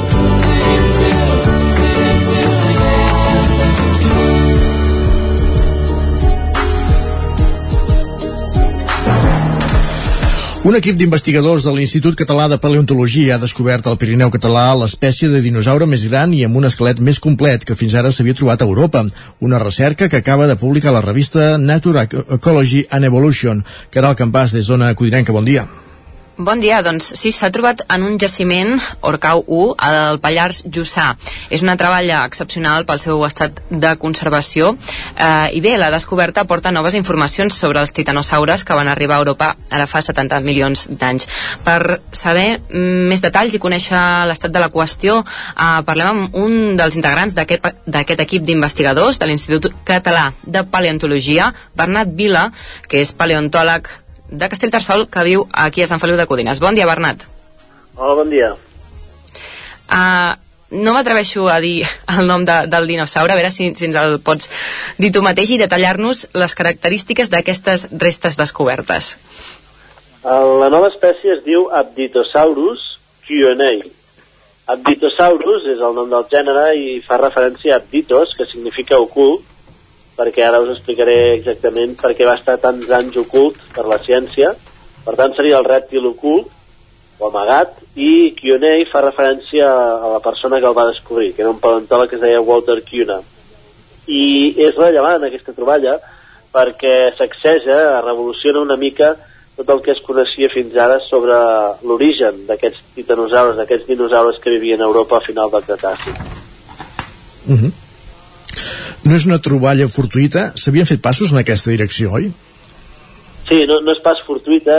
La història comença fa molts anys, a l'any 54, quan aquest paleontòleg alemany viatja a Catalunya, fa prospeccions, troba les primeres restes, n'extreu unes quantes l'any 54 i l'any 55, les, les envia a Madrid i des d'aleshores queden uh, absolutament oblidades i ningú les estudia. Uh, I no va ser fortuita perquè el 2012 vam tornar a excavar el jaciment i vam continuar traient més restes fins que el vam tenir tot complet. Tot el que es, es conservava, doncs, ben complet. I, i per tant, sí, va ser una insistència uh, uh, total en el jaciment per acabar de treure tot, el, tot l'esquelet. És a dir, va, vau seguir uns passos que ja havia marcat uh, aquest investigador uh, fa molts anys i que havien quedat apartats ben bé per què? Doncs és un gran misteri, no ho sabem, perquè en aquell moment ell teníem... Eh, nosaltres també hem fet una recerca documental i tenim cartes i documents on ell deia que, que, que valia la pena escalar el dinosaure, que segurament estava sencer, que era una, una espècimen molt important, però en aquell moment, des de l'Institut de Lucas Mallada, que era a Madrid, on, on, havien, on li finançaven els diners, van apostar per un altre paleontòleg, que llavors tampoc va estudiar els fòssils, i al final un per l'altre doncs, va quedar en, en un soterrani i, i no van fer-ne cas durant 60 anys o no només des d'aquell institut sinó cap altre paleontòleg a Espanya es va fixar en aquesta resta Què heu pogut anar investigant fins ara o què anar descobrint, per exemple, com va arribar aquest dinosaure a la península ibèrica ara fa més de 70 milions d'anys? No és poca cosa. Sí, sí, no és poca cosa. El, eh, aquest Apitosaurus forma part d'un grup de dinosaures, una família, per dir-ho així, que va arribar a Europa fa 70 milions d'anys de resultes d'una baixada del nivell del mar. És la hipòtesi que nosaltres treballem perquè en aquell moment sabem que Europa era un arxipèlag d'illes i l'illa on, actualment seria la zona dels Pirineus doncs estava doncs, aïllada del nord d'Àfrica però en certs moments va haver baixades del nivell del mar que haurien permès que aquests dinosaures arribessin fins aquí però nosaltres això ho sabem perquè hem fet un estudi de parentiu, un estudi filogenètic que es diu, en el qual veiem amb quines espècies s'emparenta a l'Antitosaurus. I hem vist que s'emparenta amb espècies de, de Sud-amèrica i d'Àfrica. Um, també eh, llegint una mica el descobriment que heu fet i, i el que heu anat explicant al, al web eh, comenteu que la, vi, la mida és poc habitual per un esquelet de, de la seva espècie. No sé a què ho atribuïu. Sí, això és un dels trets que més ens va cridar l'atenció i és el, el fet més notable de l'estudi que és la seva mida que és molt diferent a, a la mida dels altres titanosaures, de les altres espècies que s'havien descrit a Europa perquè us en feu la idea, els que existien fins ara tenien una mida més aviat petita, entre 6 i 10 metres, estem parlant de, de sauròpodes, que són aquests dinosaures del coll llarg, la cua llarga, herbívors de quatre potes, doncs una mida de 10 metres és més aviat petita. I en canvi l'Antitosaurus faria al voltant d'uns 17 metres i mig de llarg i pesaria 14 tones, per tant és molt més grossa. Llavors, eh, a què es deu aquest fet? Doncs segurament a, a que els les espècies que vivien aquí estaven afectats per un fenomen eh, biològic que es diu la, la insularitat, l'efecte insular, en el qual en les illes, amb menys recursos, les faunes grosses d'animals grossos acaben sent més petites, es fan més petites, no? Hi ha una reducció de, de mida. I en canvi aquest titanosaure, una prova que vindria de fora de l'illa és que precisament té una mida molt més grossa. Uh -huh. També destaqueu que estava en un estat de conservació inusual. Com us el vau trobar? Sí, perquè eh, normalment nosaltres quan trobem fòssils de dinosaure eh, a Europa es troben desarticulats, eh, dispersos, i aquí que vam trobar va ser l'esquelet articulat pràcticament eh, amb totes les peces una encaixades al costat de l'altra, tenim un coll de 5 metres amb totes les vèrtebres en connexió, i això és excepcional, perquè ja et dic que normalment trobem les, uh, un fèmur per aquí, una, una costella per allà, els ossos dispersos. En canvi aquí estava tot, tot articulat i això és, és realment molt, molt, molt extraordinari. Mm. Això és degut a, a com va morir l'animal, potser?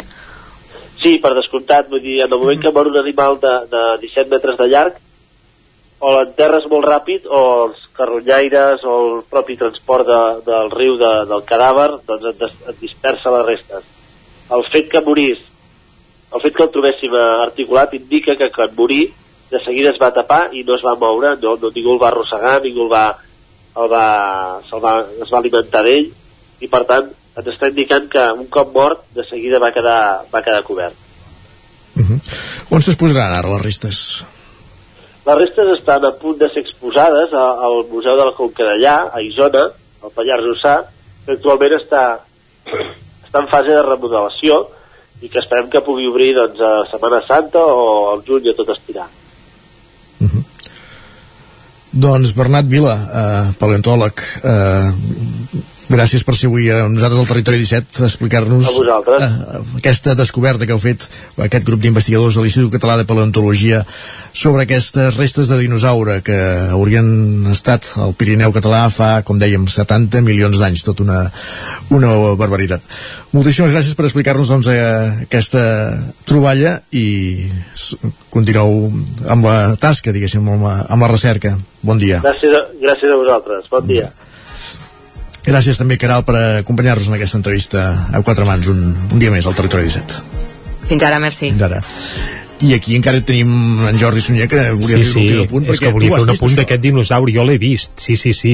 Resulta que les visites guiades que es feien en aquest museu, doncs, per exemple, fa dos anys, eh, tenien exposada ja una bona part d'aquest eh, dinosaure en, bé, en un garatge que no forma part de la col·lecció estricta del museu i les visites guiades que es feien en grups molt reduïts, recordem que era el primer any de la pandèmia, doncs sí que si volies t'ho deixaven veure i ja t'avisaven, això d'aquí un any ho embolicarem bé, ho presentarem bé i sortirà, però sou uns privilegiats i ja l'heu pogut eh, gaudir i veure.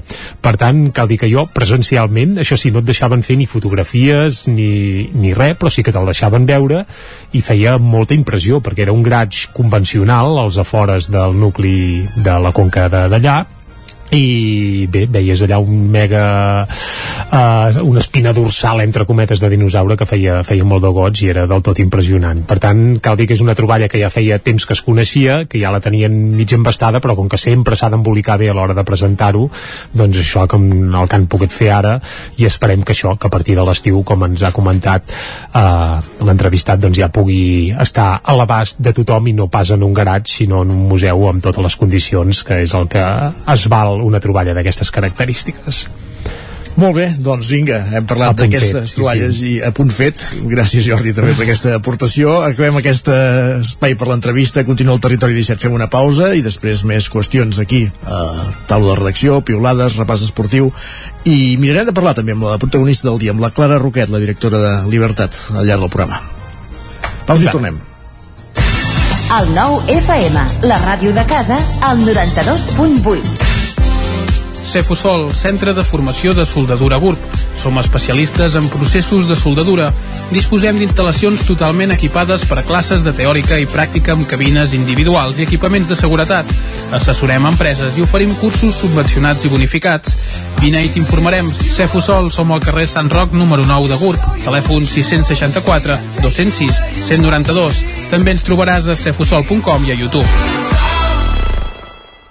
A la rostisseria El Plat ens agrada la cuina de sempre, la de les àvies i de les mares, la cuina feta amb paciència com s'ha fet tota la vida. Vine a provar els nostres canelons gruixuts o els croquetons, les nostres croquetes de 80 grams, i recupera el gust del pollastre a com els que es menjaven abans. Ah, i aprofita, fins a finals de febrer, 20% de descompte en els canelons i el pollastre. Rostisseria El Plat, encàrrecs fins a les 12 del migdia i servei a domicili. Ens trobaràs de dijous a diumenge al carrer Església número 6 de Taradell o al 93 135 58 85. Cobertes serveis funeraris. Els nostres tanatoris estan ubicats en els nuclis urbans més poblats de la comarca d'Osona per oferir un millor servei. Tanatori de Vic, Tanatori de Manlleu, Tanatori de Centelles i Tanatori de Roda de Ter. Sabem que són moments difícils i per això el nostre compromís és atendre-us en tot moment amb un tracte humà, sensible i respectuós. Cobertes serveis funeraris. Telèfon 24 hores 93 883 23 46. Gràfics Air, el seu proveïdor global en rotulació i impressió digital. Oferim servei de disseny, producció i instal·lació de qualsevol projecte en rotulació industrial i comercial. Rètols corporis, senyalització preventiva, senyalització viària, senyalització interior de naus, vinils decoratius per a oficines i establiments comercials, rotulació de vehicles... Confia en els serveis que li pot oferir Gràfics Air. Ens trobarà al carrer Lleida 39 de Vic o a graphicsAir.com. Cocodril Club. Si t'agrada la bona música dels anys 60, 70 i 80, escolta el 9 FM als matins de dissabtes i diumenges d'11 a 1. És el temps del Cocodril Club, tot un clàssic de la ràdio, amb les bases del pop-rock, les llegendes, les cançons que s'han convertit en autèntics himnes. Recorda, dissabtes i diumenges al matí, d'11 a 1, al 9 FM 92.8. Cocodril Club, el programa revival de l'Albert Malla. Anuncia't al 9FM. La màquina de casa. 9 3 8 8 9 4 9 4 9. Publicitat arroba al 9FM.cat. Anuncia't al 9FM. La publicitat més eficaç. El 9FM, el 9FM, el 9FM. En punt, dos quarts d'onze del matí al territori 17.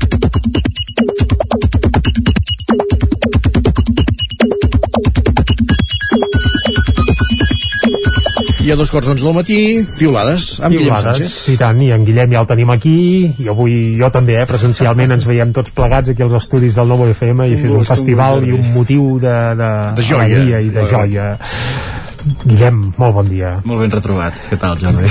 Perfecte, perfecte Doncs va, Va, què ens portes avui? Comencem setmana i fem recordant el que l'Anna ens deia ja ahir per Twitter i ens avisava del que estaria tendència avui a les xarxes. Ens comentava demà, ja avisava? Val, demà a Twitter parlareu de l'auge de l'extrema dreta, per una banda, i els meus alumnes parlaran del Dia dels Enamorats, massa lluites per a un dilluns. No sé si... Dia dels enamorats, no sé què fa referència. El 23 d'abril, no? Sí, sí, sí.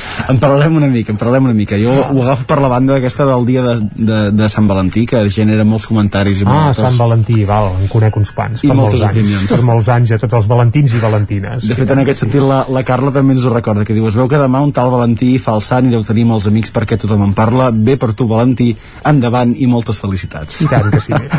Mentrestant, la Carla, ai, la Cèlia, perdó, ens fa evident allò que tots segur que pensem o hem pensat, ens diu que l'única cosa que em fa més mandra per Sant Valentí que les parelletes cursis són les catalanetes que repeteixen deliberadament que Sant Jordi és millor, com si no ho sapigués literalment tothom. Doncs... No, doncs ja t'asseguro jo que no ho sap literalment tothom. Per això a vegades cal insistir en segons quins aspectes i aquí a vegades ens hi fem pesats, eh? Però és que clar, a base d'anar-ho repetint, al final el missatge cala, doncs insistirem. Clar. La Marta n'intenta extreure, però, un costat positiu d'una jornada com la d'avui. Ens diu en contra de Sant Valentí, però molt a favor que em regaleu bombons de xocolata. Per tant, el dia de l'any, per això no... Evidentment, evidentment, Però, eh? clar. Però que si algú no se n'han recordat de regalar-li, pot vol fer regalar demà. avui també, Ho pot també fer demà, pot fer. I en dies com avui poden passar coses com aquestes, la que ens comenta en Quim, que diu a la fleca m'han intentat vendre un presumpte pastís de Sant Valentí. Quan jo només volia comprar el pa i els he hagut de dir que ja no crec en l'amor. Presum, presumpte, per què? Perquè portava unes manilles. No hi ha foto. No hi ha foto, però li demanaríem a en, a en Quim que si ens està escoltant que ens passi una foto si, si pot d'aquest presumpte pastís de Sant, de Sant Valentí. Va, sí, amb la foto en tindrem prou. No Sí. el tastarem, no fos cas que ens agafés alguna intoxicació. Doncs va, Déu que- meu. I que celebrem Sant Valentí a partir d'ara. Ah, Sí. doncs va, canviem de tema. Què li respondríeu a la Noemí que ahir ens compartia aquest missatge per xarxes? Ens deia, filla, que a les 7 del matí d'un diumenge es lleva i et diu, mama, estic avorrida. I ella li diu, a veure, noieta, que la vida no és una festa constant. No sé si li haguéssiu respost a això, li haguéssiu respost a alguna Passa a dormir. Que és diumenge i són les 7 del matí. Sí, sí. Per alguns ha estat doncs un cap de setmana de molta activitat i de molta grècia, com ens escriuen en el següent missatge. Ens deien, en veritat, s'ha fet dur tornar a sortir de festa. Estic molt cansada. I després d'una llarga i profunda investigació, en Lluís ha arribat a una conclusió que vol compartir amb el públic. Diu, tothom està de ressaca o està de calçotada, o les dues. I les respostes no s'han fet esperar. L'Aina ens diu les dues i és una mala combinació. Que Home, depèn de, Jo crec que és fantàstica la combinació, eh? Però, eh? no sé si les hores de descans entre una cosa i l'altra Ah, influeixen o, o no. paner, sí, sí. Podria ser. I la Júlia ens fa una pregunta en veu alta que diu preguntant-me de qui va ser la idea de posar una discoteca just davant d'un tanatori o un tanatori just davant d'una discoteca. No sabem de quina població és la, la Júlia. No, jo no... no... A, Tor a Torelló n'hi ha... Ara ja no hi són les discoteques, però històricament hi havia hagut dues discoteques bastant a prop de, del tanatori, diguéssim. Sí, sí, estava envoltat del Donatelli i el Moscou. Malauradament ara Sí, sí. estan totes dues tancades. Ara al tanatori hi ha una àrea d'autocaravanes al costat, que sempre he pensat que era el, el millor equipament que podies posar al costat d'un I el. Donatella és un gimnàs i el Moscou de moment eh, inactiu. En Josep, doncs, eh, responent amb aquesta pregunta de la Júlia, li diu algú que no va entendre el concepte molt vintage d'altra banda de moure l'esquelet, que suposo que no s'havia fet mai aquesta, aquesta broma, i des d'un altre punt del territori ens aporten, diu, a Berga una mortuòria ha comprat l'antiga discoteca Memphis i farà un tanatori, diu, tot bé. Doncs bé, que sigui... Els nous temps, sí. ja se sap, sí. Que, sí, que sigui el que hagi de ser. Uh, sí, cadascú hi interpreti el que vulgui. Els temps són metafòrics quan van avançant. Uh, el Nexus, un dels meus bars de referència quan era jove, ara és un basar xinès. eh, és el que hi ha. és el que hi ha. Va, per acabar, un, un consell, el que ens dona en Jordi, que ens diu, i recordeu, nenes i nens, quan aneu a llançar la brossa, les claus sempre a la butxaca, mai a la mà. Mai amb aquest consell Ara, pla, sí, és que clar, si llences les claus podem mal imaginar eh, com... sí, podem imaginar com va acabar i ens podem imaginar encara més com les devia tornar i també ens podem imaginar que el municipi on es va fer aquest presumpte No porta a aquesta porta. acció no hi ha porta a porta. Clar, els que tenim el porta a porta Això això, no no, ens passa. que ens cauen a terra veus com és millor el porta a porta? I tant, és que té molts porta porta. avantatges eh? visca, visca el porta a porta fins a la doncs mort va, amb aquest clam eh, acabem avui aquí. Guillem, moltes gràcies. No hi ha porta a porta, eh, on vius tu de moment. Encara no. Oh, oh, uh, què hi farem? doncs vigila amb les claus, va. Uh, anem a fer un cop d'ull a les portades del 99.cat ara mateix l'edició d'Osona i el Ripollès obre uh, parlant de la Creu de l'Ars hi heu anat mai a aquell mític restaurant de Vidrà? Oh, i tant. home, jo uns quants cops, eh, i s'hi menja de meravella i resulta que fa 100 anys que estan al peu del canó i ja van per la quarta generació eh, fas, ostres, Guillem, fas tard i tant, és que val molt la pena eh? les patates d'Olot de la Creu de l'Ars són un festival, eh? i els canelons i uf, tot, tot, tot, tot gana, en general, quina va i a més són centenaris això d'això es fa ressò al 99.cat també el cap d'estopes renaixerà atenció Altre. perquè un altre mite eh, que tornarà al cap d'estopes un Avui despertant local, sí, sí, és espectacular. Uh, i Clara Roquet triomfa als Premis Goya. Anem cap a l'edició del Vallès Oriental que també parlen dels Premis Goya, el granollerí Walter Gallard triomfa als Goya, com la Clara Roquet, i ara hem parlat a Territori 17, també Gallecs estudia l'adaptació de noves varietats de col i coliflor al clima del Vallès, i Vilanova del Vallès celebra el 38è aniversari de la independència de les seves, clar, del terme municipal. amb Clara Roquet que en parlarem que hi parlarem a partir de dos quarts de dotze just abans de la tertúlia esportiva i ara sí, repassades les portades digitals repassat el món de Twitter, anem a la taula de redacció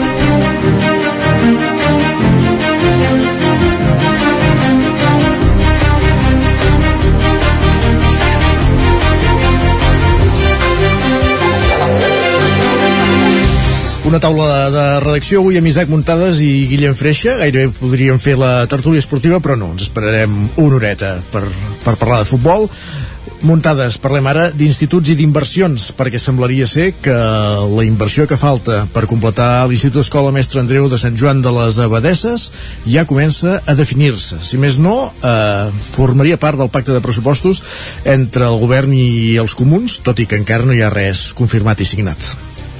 Sí, eh, exacte, Isaac. Encara no hi ha res confirmat ni, ni signat, però pràcticament es pot dir que està al 99%, eh? Vull dir que sí que realment eh, ja, ja s'està veient una mica la llum al final del túnel d'aquest edifici.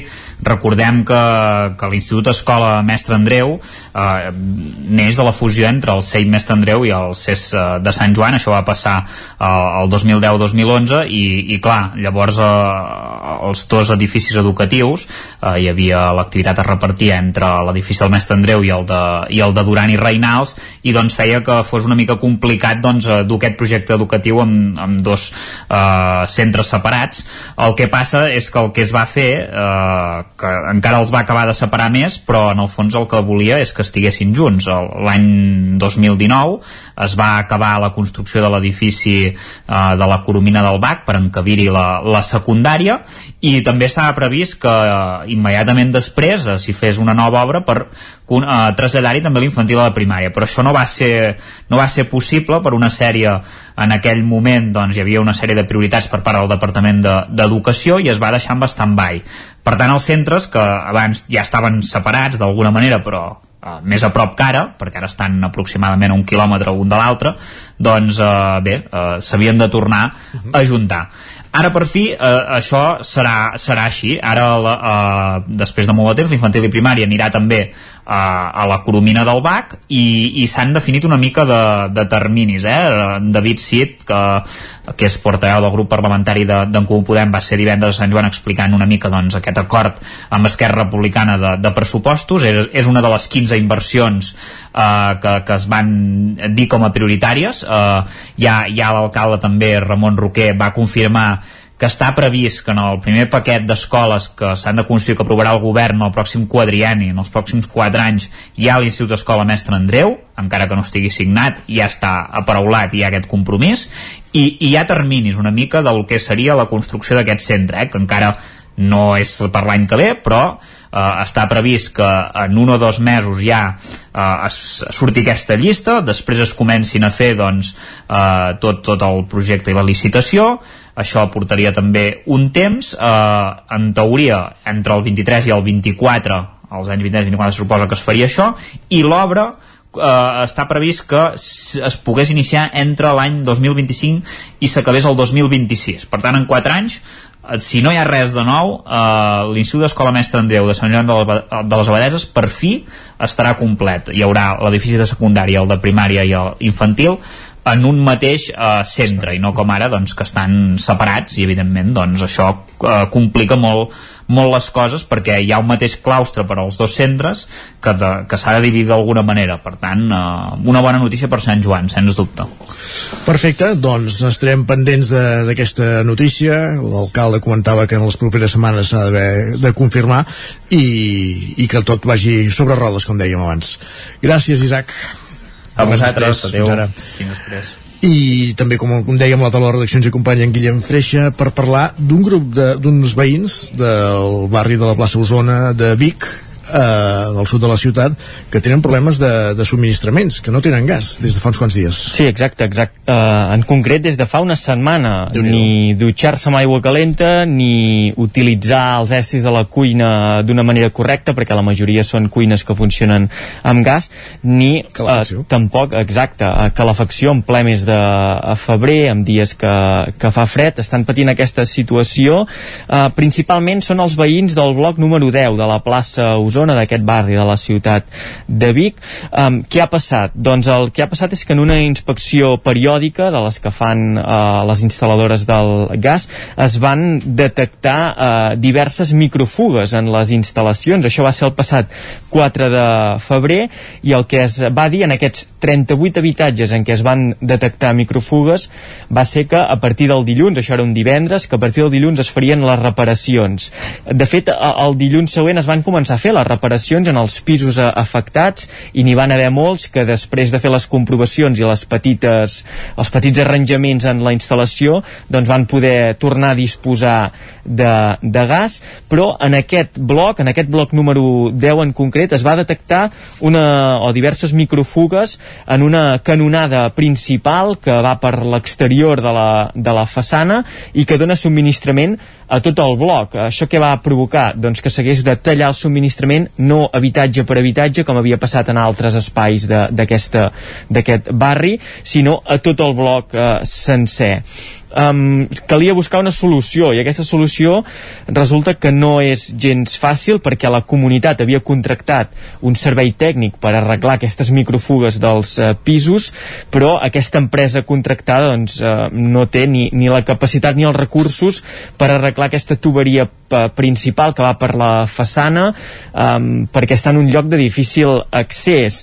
A més a més ho dificulta que no s'hi pot entrar amb una, o no s'hi pot arribar amb una, amb una grua perquè és eh, complicat arribar en aquest punt i a més a més està en un lloc en què la grua s'hauria de posar sobre una superfície on a sota hi ha un aparcament soterrat i per tant eh, no hi permet posar gaire pes. Això fa eh, que s'hagi de buscar una empresa eh, d'aquestes que escalen per les façanes o que es, es pengen. Treballs verticals. Que Exacte, treballs verticals i es veu que la combinació de treballs verticals i servei de, de gas eh, doncs no és massa comú i ha costat eh, trobar una empresa que, que ho, ho fes això ha fet que durant tota la setmana passada no tinguessin gas aquest cap de setmana doncs tampoc i la previsió en la reunió que es va fer en la reunió d'escala que es va fer divendres al vespre doncs els veïns explicaven que la previsió és que eh, aquest inici de setmana es pugui portar aquesta empresa de treballs verticals que puguin fer la reparació en aquesta tuberia principal i que després mica en mica es pugui anar donant el gas en els diversos habitatges. En concret són 16 habitatges els que formen aquest bloc i eh, tal com ha passat en altres punts del barri doncs també s'haurà de fer front a un altre eh, tema que és que hi han pisos que estan buits, que no hi ha eh, inquilí i la comunitat haurà de trobar una manera eh, d'accedir-hi, de trobar si és que hi ha algun propietari, segurament molts eh, també són grans tenidors, doncs, eh, per accedir en els pisos i poder arreglar les, les avaries que hi hagin vinculades en el, gra, en el gas. En la reunió de veïns de, de divendres passat doncs, ens explicaven les situacions que s'estan trobant. La majoria de famílies amb nens i nenes eh, de curta edat al seu càrrec i ens deien això, eh, que els que tenien aparells eh, elèctrics per cuinar doncs estaven eh, fent servir aquests eh, aparells que per dutxar-se doncs, o anaven a cases de, de familiars per dutxar-se amb aigua calenta a cases de familiars o algun que, doncs, que va al gimnàs o que fa alguna activitat eh, en, algun, en algun centre de, de la ciutat doncs, eh, aprofitava per dutxar-se amb aigua calenta. I el problema més gros era per escalfar-se ens deien això, eh, doncs, endollant eh, radiadors elèctrics però amb el preu que va l'electricitat doncs era un recurs que també evitaven al màxim i si no doncs, moltes mantes a sobre durant la nit per eh, passar el fred. Des de l'Ajuntament s'ha de dir que van ser coneixedors divendres passat d'aquesta situació, s'han ofert eh, a buscar solucions a les demandes que tinguin els veïns, ja sigui això, eh, estris eh, elèctrics, radiadors, eh, oferir algun centre de la ciutat perquè puguin anar eh, a dutxar-se. En la reunió de l'escala sí que aquests veïns deien que se senten desatesos i que no s'ha anat amb prou celeritat que si això hagués passat en un altre punt de la ciutat segurament s'hagués posat més al focus perquè com dèiem ja és més d'una setmana la que fa que, que, que no tenen gas i que no poden utilitzar ni aigua calenta, ni calefacció ni dutxar-se, ni fer una vida eh, normal i més tenint en compte que estem en ple mes de febrer. Veurem si es pot solucionar el més aviat possible aquesta setmana. Oh, I tant com si ho seguirem. Gràcies, Guillem. Adeu. Bon dia.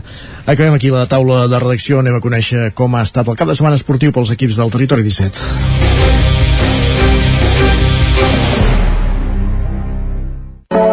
Territori 17, el 9 FM, la veu de Sant Joan, Ona Codinenca, Ràdio Cardedeu, Territori 17.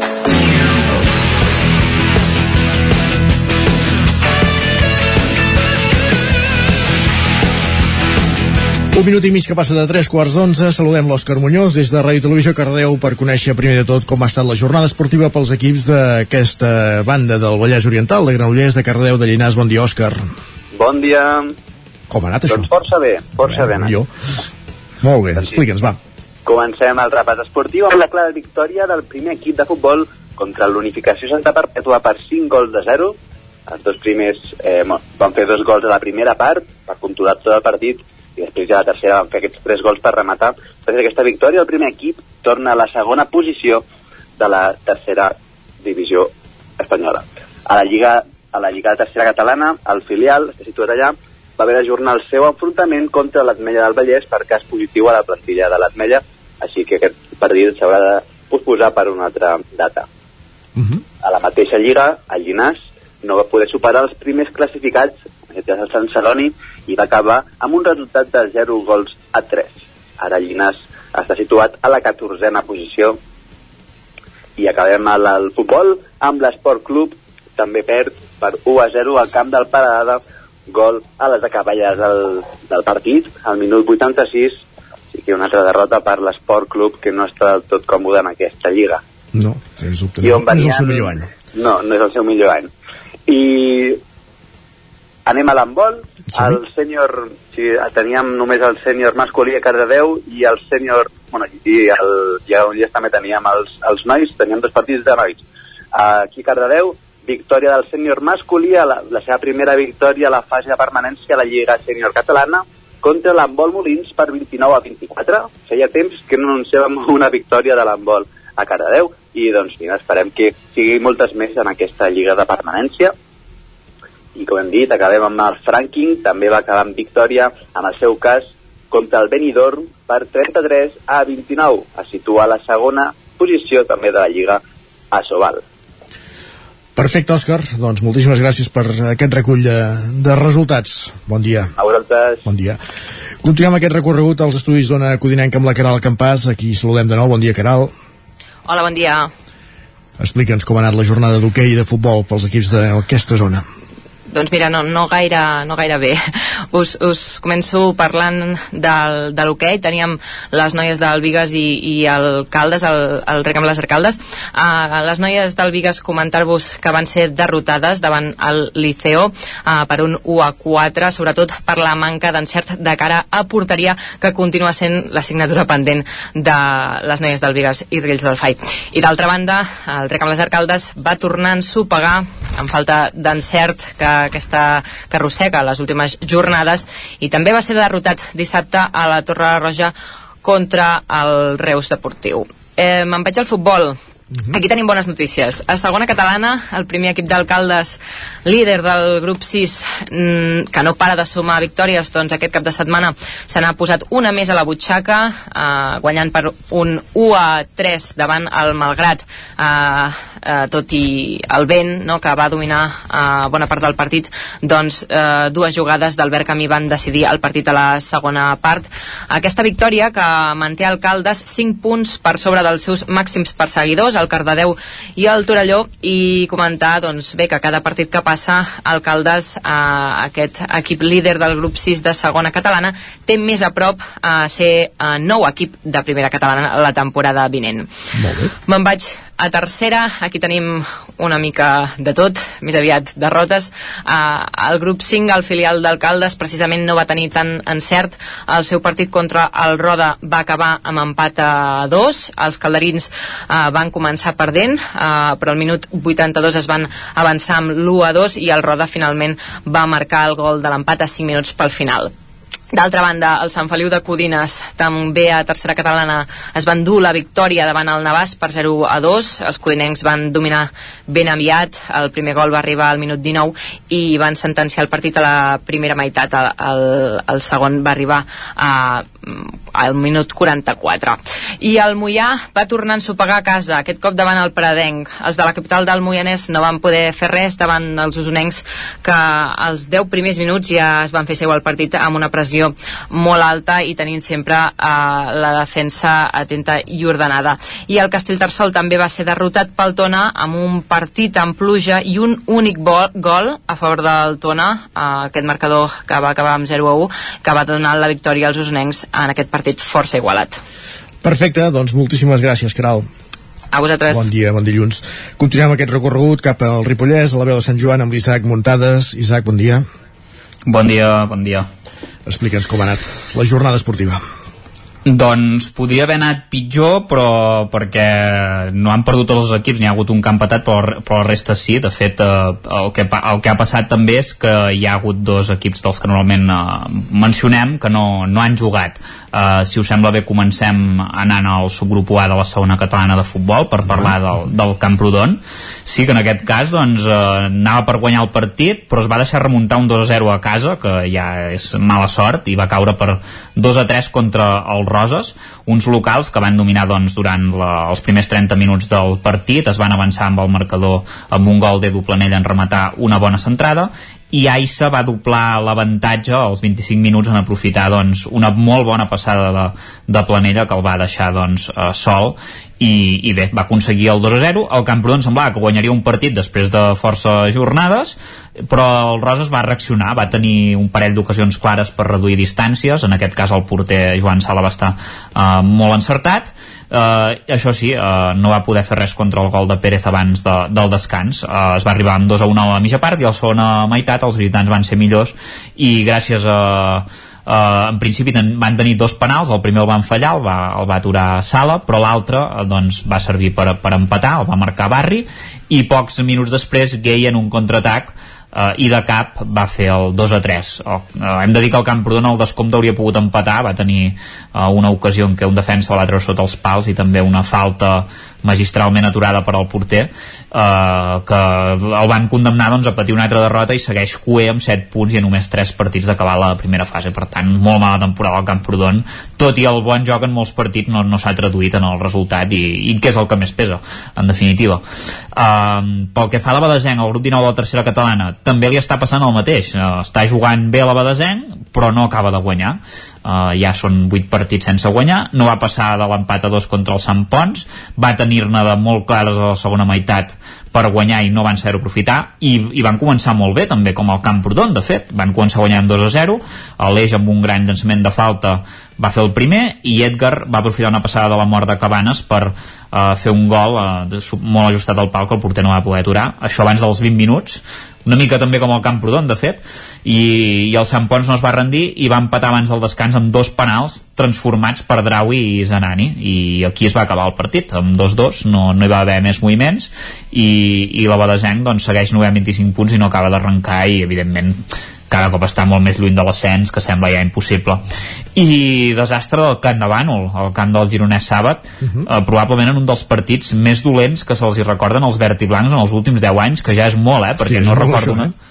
Sí, sí, no recordo una desfeta tan clara per tants gols, 7 a 0 contra el Gironès Sàbat eh, que el resultat a la primera part pot ser enganyós perquè es va acabar 2 a 0 eh, en què el Canau sí que va competir el rival doncs, va marcar les dos que va tenir però la segona part el, el líder de la Lliga va passar per sobre del de Bànol sí que va jugar molt millor ho va marcar tot i el de Bànol va quedar impotent eh, Ridao i Fernández van, ser, van fer els dos primers gols i a la segona meitat doncs, van marcar Del, uh, Delgado per partida doble Carreras, Cordones i Fernández, que també va fer el seu segon gol.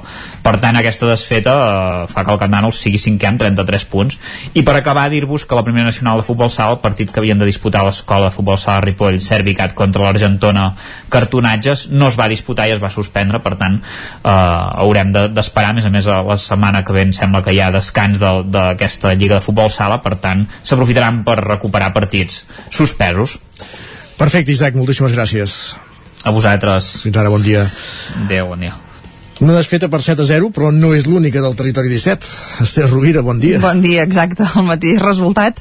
Aquest 7 a 0 és el que, el que va encaixar el, el Voltregà Ester Motor, en el seu cas en partit de, de la Wall Skate Europe Cup, aquest cap de, aquest cap de setmana a la pista de, del Calafell. Um, una gran segona part uh, dels locals doncs els va permetre imposar-se per aquest um, contundent marcador uh, que és evident que no va donar opció un Voltregà uh, que només va aguantar dins el partit durant la, durant la, primera, durant la primera part. Uh, això fa que ara mateix el Calafell sigui el, el líder invicte del, del grup de, de la competició europea mentre que el Voltregà que té un partit més és segon amb, amb, quatre, amb quatre punts. Uh, poca història eh, en el partit quan, quan encaixes un, un 7 a 0. Un 7 a 0. Uh, això farà que, que els voltreganesos hagin de jugar el seu partit de Lliga d'aquest cap de setmana el 26 de febrer uh, contra l'Alcobendes i qui sí que va jugar Lliga aquest cap de setmana era el Manlleu uh, que rebia el Girona i uh, doncs a causa de, de la manca d'encert davant un gran llevarola sota pals els manlleuencs van perdre per, per, 2 a, per 2 a 3 uh, hem de dir que això que el Girona ja es va posar per davant amb un gol de falta directa de Pelicano uh, Vial Pujades va empatar però novament de falta directa Pelicano es posava per davant Pujades eh, tornava a fer l'empat i al final doncs els gironins amb un gol de, de Pujol aconseguien la, la victòria que això fa que doncs ara mateix els mm, se situïn dotzens a la classificació en zona de, de play-out de, de, per la permanència. Per tant això i el Manlleu doncs amb un, amb un partit, ai el Voltregà amb un partit menys és, és desè amb aquest que dèiem amb l'Alcobendes pendent. En el cas de l'hoquei Lliga Femenina el Manlleu manté el liderat després de guanyar per 4 a 2 a les Rozas, després de capgirar el gol inicial del conjunt de, de Madrid i eh, guanyar amb gols de, de Nara López i, i Maria Díez i el Voltregà per la seva banda va fregar l'èpica perquè es va quedar a les portes de remuntar un 4-0 eh, en contra. Eh, visitaven l'Igualada ahir a la, a la tarda i van acabar perdent per 5-4 però això, havent-se posat per darrere en el marcador amb un contundent 4-0 aquest cap de setmana no hi havia jornada a l'hoquei Lliga Plata i on sí que n'hi havia és a la primera catalana de futbol on continua emoció, havent-hi molta emoció a la part alta de la, de la classificació. Home, les tres posicions de podi per als equips usonencs. tres posicions de podi. Tona, Manlleu i Vic eh, doncs eh, són, són els que ocupen ara. Eh, recordem que durant unes jornades hi va anar-hi al Manlleu, el Tona es va posar per davant i aquesta setmana eh, el Vic, gràcies a, a una victòria a Rubí, doncs ha aconseguit col·locar-se en tercera, en tercera posició, 38 punts pel Tona, 36 pel Manlleu i 31 pel, pel Vic. Uh, comencem, si et sembla, per, per el Tona, que va golejar en un gran partit, van ser superiors en tot moment i no van donar cap oportunitat a l'Atlètic Sant Just a domicili, van guanyar per 0 a 4, el Manlleu per la seva banda rebia a casa el Sant Cugat i va guanyar per dos gols uh, a 1, amb dues dianes del jove golejador uh, mallauenc Marc Roquet, uh, que permet doncs, això mantenir-se en aquesta segona posició a la taula, i el Vic, com dèiem, va aconseguir una victòria important a, a Rubí uh, per 0 a 1 per la mínima, amb un gol de Flavio que va ser suficient uh, per guanyar uh, doncs, uh, aquest partit. Uh, doncs, que no va ser brillant, però que va controlar els, el conjunt d'Albert Càmera en tot moment. I el Vic primer per la seva banda, que continua sense aixecar cap, eh, i aquest cap de setmana doncs, eh, van perdre a casa contra l'Horta per 0 a 3, sense eh, acabar de trobar el seu joc i enfonsats a, a l'última posició de la, de la classificació eh, d'aquest grup 2, on només tenen 8 punts. Mm -hmm. Això pel que fa al futbol, i acabem amb, amb un parell de, de punts més. Destacar que en bàsquet el club bàsquet Bàsquet Vic va caure contra el Navàs a la, al grup C3 de la Lliga EVA els de Sergi Fortes no van aguantar el ritme i van deixar escapar el partit en el darrer quart. Eh, 58 a 67 va ser el marcador eh, final d'aquest enfrontament al pavelló Castell d'Emplanes eh, també el Castell d'Emplanes però el local del tenis taula el Girbau Vic TT eh, va aconseguir una victòria contra el Priego de Córdoba per 4 a 2 i així les bigatanes acaben eh, la primera fase de competició en tercera posició uh, i ara s'enfrontaran al Jaén, que és el segon classificat del grup 2, en la nova fase. I per últim, uh, dir que aquest cap de setmana Santa Eulàlia de Riu Primer estrenava uh, cursa de, de muntanya, uh, que forma part doncs, de la Copa Osoning, on també hi ha altres uh, proves destacades com els matxos o la cursa del Roc Gros. I aquesta primera edició d'aquesta cursa de, de muntanya, amb dos recorreguts, un de 21 quilòmetres i un de 12, uh, la van guanyar a Jordi Delgado i Núria Hospital, uh, recordem que, que la prova eh, es diu Trail de Senglars eh, uh -huh. i tot que... un senglant delgado, sí. Eh? Dic tot un senglant delgado, sí, sí. I, I que bé, que ha estat tot un èxit d'organització amb més de 200 participants en la, en la primera edició i amb ganes de créixer i fins i tot doncs, de cara a l'any que ve a eh, incloure una, una marató. Molt bé, doncs n'estarem pendents també de l'evolució de la cursa. Gràcies, Exacte, Esther. Que vagi bé, adeu. L'Ester Rovira des del 9FM a posar-nos al dia de l'actualitat esportiva d'Osona i és moment ara d'actualitzar-nos al territori 17 quan passa un minut de les 11. Com dèiem, les notícies de les 11, ara al Territori 17. Territori 17, amb Isaac Moreno i Jordi Sunyer.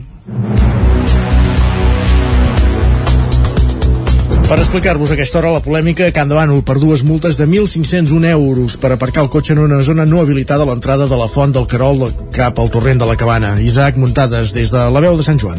Dues multes de 1.501 euros per aparcar l'entrada d'accés a la font del Carol van desfermar la polèmica a la secció al contenidor del programa El món a rac La denúncia la va fer un dels conductors, el Jordi, que el mes de setembre va anar a fer la ruta als Set Gorgs i en arribar a l'aparcament de la font del Carol no va poder estacionar el seu vehicle perquè l'entrada del pàrquing tenia una alçada limitada amb un gàlib d'1,95 metres per evitar que les autocaravanes hi entrin i pernoctin. Ell va decidir aparcar 10 metres més enllà en una zona d'herba on no obstruïa l'entrada a cap finca privada i va assegurar que allà no estava senyalitzat que no s'hi podia aparcar. Així explicava què va passar quan va tornar i com es va posar en contacte amb l'Ajuntament. Trobo un paper al parabrisa. A mi el que em va sorprendre allà, com el, a la gent rural va deixar el paper que posava muy grave, que estava muy grave. Tornar a mirar i és quan jo vaig fer les fotografies del vehicle estacionat per dir muy grave, doncs bueno, que m'ho expliquin. Primer que vaig fer intentar telefonar a l'Ajuntament, en, la, en la multa que m'arriba, a de l'Ajuntament hi ha un telèfon, l'adreça de l'Ajuntament i un telèfon, i no contesten. Vaig estar dies trucant, després, a través de la web de l'Ajuntament de Capdemànol, surt en un racó un telèfon mòbil. Vaig estar trucant, tampoc em contestava, al final va sortir una secretària, però em va dir que ho fes per e-mail. En Jordi va pagar la multa amb un descompte del 40%, 900 euros, que es podien abonar en 10 mesos. A més, ja va anunciar que presentaria un recurs. L'alcaldessa de Can Davant, Dolors Costa, va trucar el mateix dia al programa per contestar, però no va ser fins divendres que va donar la seva opinió sobre l'autocaravana i la furgoneta camper mal aparcades. Costa va assenyalar que la sanció de 1.501 euros no es corresponia a una infracció del Codi de Circulació i de Trànsit, sinó per haver infringit el reglament de l'entorn d'un espai natural protegit, un reglament que es va aprovar l'any 2015 pel consistori i per unanimitat. Costa també creia que la senyal explicitava que allà no es podia aparcar i que hi ha altres opcions per fer-ho abans d'aquell punt. I en aquest mateix galit, al costat mateix, hi ha una senyal molt gran de circulació que fica pàrquing i es veu clarament que fica prohibit estacionar en zones no habilitades. Està exactament a 10 metres d'on aquest senyor va aparcar. A part d'aquesta zona habilitada, que hi queben 55 cotxes, a uns 500 metres hi ha un polígon, que és el polígon de Niubó, que hi queben entre 400 i 500 cotxes. I passes per davant. Costa també va insistir que a l'entrada del poble des de Gombrèn hi ha un aparcament habilitat per autocaravanes. Les crítiques dels periodistes i tertulians del programa se centraven en la quantitat de la multa i en la reduïda mida de la cartelleria per avisar de les sancions, però l'alcaldessa es va recordar que més endavant a la pista d'entrada als Gorgs hi ha un cartell que avisa que està prohibit el pas a tots els vehicles no autoritzats i que han de tenir una persona pagada allà per controlar-ho, ja que si no els cotxes hi segueixen passant. Costa va apuntar que els sancionats encara poden presentar un recurs potestatiu de reposició o un contenciós administratiu, però que ells es limiten a complir un reglament que marca sancions de 1.501 euros per tirar-se a les basses des de dalt dels gorgs o de 700 euros per tenir els gossos deslligats, a més de recordar que a la pàgina web hi ha informació i que s'han hagut d'espavilar per protegir l'entorn perquè ningú els ajuda a pal·liar la massificació que els assetja quan fa bon temps o quan els gorgs estan glaçats. Les quarantenes podrien tenir els dies comptats. Divendres, el conseller de Salut, Josep Maria Argimon, va anunciar que els confinaments en cas de ser positiu per coronavirus deixaran de ser obligatoris a Catalunya a partir de l'1 d'abril. A les escoles, les quarantenes generalitzades també deixarien de ser obligatòries a partir del 21 de febrer. Segons va explicar Argimon, Salut ha fixat l'1 d'abril com a l'inici de la posada en marxa d'una nova estratègia del sistema de vigilància i gestió també de la pandèmia. Alguns dels aspectes d'aquest nou pla, però, com l'eliminació de les quarantenes en els adults, encara s'han de debatre a la Comissió de Salut Pública, juntament amb el Ministeri de Sanitat i altres comunitats autònomes. A les escoles catalanes, però, Salut sí que aposta per retirar les quarantenes generalitzades a partir del dilluns que ve, dia 21 de febrer. I també es vol retirar la mascareta a l'interior de les aules abans d'acabar el segon trimestre. Aquesta retirada seria gradual, començant pels grups més petits, primer i segon de primària, i es aniria fent de manera esglaonada observant com evoluciona la situació cada 10 o 15 dies. Escoltem el conseller Josep Maria Argimon. Aquesta propera setmana jo crec que tindrem ja l'informe de la ponència d'alertes, el que nosaltres coneixem va una mica en la línia del que proposem, no només nosaltres, sinó també altres territoris, que és el fet d'eliminar aquestes quarantenes, i per tant pensem que aquesta setmana del 21 eh, podrem, doncs, eh, podrem eliminar aquestes quarantenes. Continues amb dos cursos més i vas fent-ho progressivament desescalat. No em pregunti l'edat, eh, perquè aquest és el següent pas. I jo entenc, jo entenc eh, que tots tenim moltes ganes de córrer i ja anem, ja anem fent, però sempre pas a pas. De la fi de les quarantenes a les escoles en va parlar també la investigadora del grup de recerca educativa i directora del Centre d'Estudis i Recerca en Educació de la Universitat de Vic, Núria Simó. Ho va fer divendres en una entrevista al programa I Bona Lletra del Nou TV. L'escoltem. El problema de la quarantena és que, clar, els nens i nenes no segueixen igual el ritme, evidentment, des de casa, però ho han intentat, ho han intentat tots, els docents i els, i, i els nens i nenes, per tant, diríem que és el que hem pogut fer en aquestes condicions. Escola eh, ho ha fet molt bé, jo insisteixo sempre en això, sembla que, que faci propaganda, però no és cert, o sigui, l'escola ha entès des de quasi, quasi el minut zero després del confinament, vull dir, eh, que les escoles val, valia la pena que estessin obertes perquè és el lloc on eh, dona moltes oportunitats a tots els nens i nenes i és el lloc on es pot eh, treballar per l'equitat. El relaxament de les mesures anticovid pel que fa a les mascaretes i a les quarantenes se suma a la reobertura del sector de l'oci nocturn que va tenir lloc dijous passat. Un relaxament que a Osona arriba en ple descens de la sisena onada, amb un risc ara de rebrot de 1,4 i 41 pacients ingressats als hospitals. Des de dijous passat, a més, la regió de la sanitària Catalunya Central ha començat també administrant als infants d'entre 5 i 11 anys la segona dosi de la vacuna pediàtrica. A Osona aquesta vacunació començarà aquest dimecres en els dos punts de vacunació que hi ha a la ciutat de Vic, el de la Universitat i el CAP Vic Sud. Els infants que han passat la Covid han d'esperar 8 setmanes per administrar-se la segona dosi, però els que han estat contactes estrets poden rebre la vacuna un cop han fet la quarantena. A Osona han rebut la primera dosi pediàtrica 3.317 infants, el que representa un 30,2% de la població d'aquesta franja d'edat. La dosi del vaccí dels infants és d'un terç de la que s'administra als adolescents i adults. Per rebre la segona dosi de la vacuna cal demanar cita prèvia a la pàgina web vacunacovidsalut.cat. La convivència en una família amb fills adolescents és tot un repte ja de per si, en època de Covid-19 i confinaments, però això pot canviar per complet. Així ho han exposat l'Anna, en Joan, en Pep i la Sara, pares i mares de quatre nois i noies en ple inici de l'adolescència que han parlat de l'experiència al 9FM. L'adolescència no és una etapa senzilla d'afrontar ni pels mateixos adolescents ni pels seus pares o mares. I si pel mig s'hi cola una pandèmia d'àmbit mundial, el repte passa a ser majúscul. Dues famílies, reunides per al 9-9 i el 9FM, s'han proposat parlar d'aquesta situació i valorar com s'ha gestionat des de casa. Les restriccions i confinaments han permès adonar-se d'alguns aspectes. Els detalla Joan Puig, pare d'un fill de 16 anys i una filla de 13 tots teníem un pilot d'activitats i l'hora de coincidir a casa per poder estar junts era molt difícil. I amb el Covid hem descobert que estar junts també s'està molt bé. I ara a l'acabar-se tot això no hem pogut mantenir tot el que voldríem perquè comences un altre cop amb la rutina, les activitats, els no sé què, els caps de setmana Units han descobert que s'hi està bé i malgrat que hi ha actituds i comportaments que afloren durant l'adolescència i que la pandèmia ha fet accentuar, alhora també ha comportat alguns avantatges. Ho explica Pep Escaler. El Covid ha fet una miqueta doncs, que això sorgís una miqueta més, però també ha fet doncs, potser poder-ho gestionar una miqueta millor. Bàsicament perquè es poden començar i acabar converses i fomentar la comunicació, una eina bàsica per evitar els conflictes. L'empatia en aquest sentit també és clau. Escoltem a Sara Sandoval i a Joan Puig. Penso que, que ell arriba a entendre que la posició no, dels pares que li fem veure les coses com són pel seu bé, tot i que a vegades s'enfadi. Els conflictes que tenen ells ara són molt semblants als que teníem nosaltres. El que intentem també és això, explicar-los una mica el que nosaltres hem viscut, però també deixar-los que ho fagin, perquè també és important que es puguin equivocar.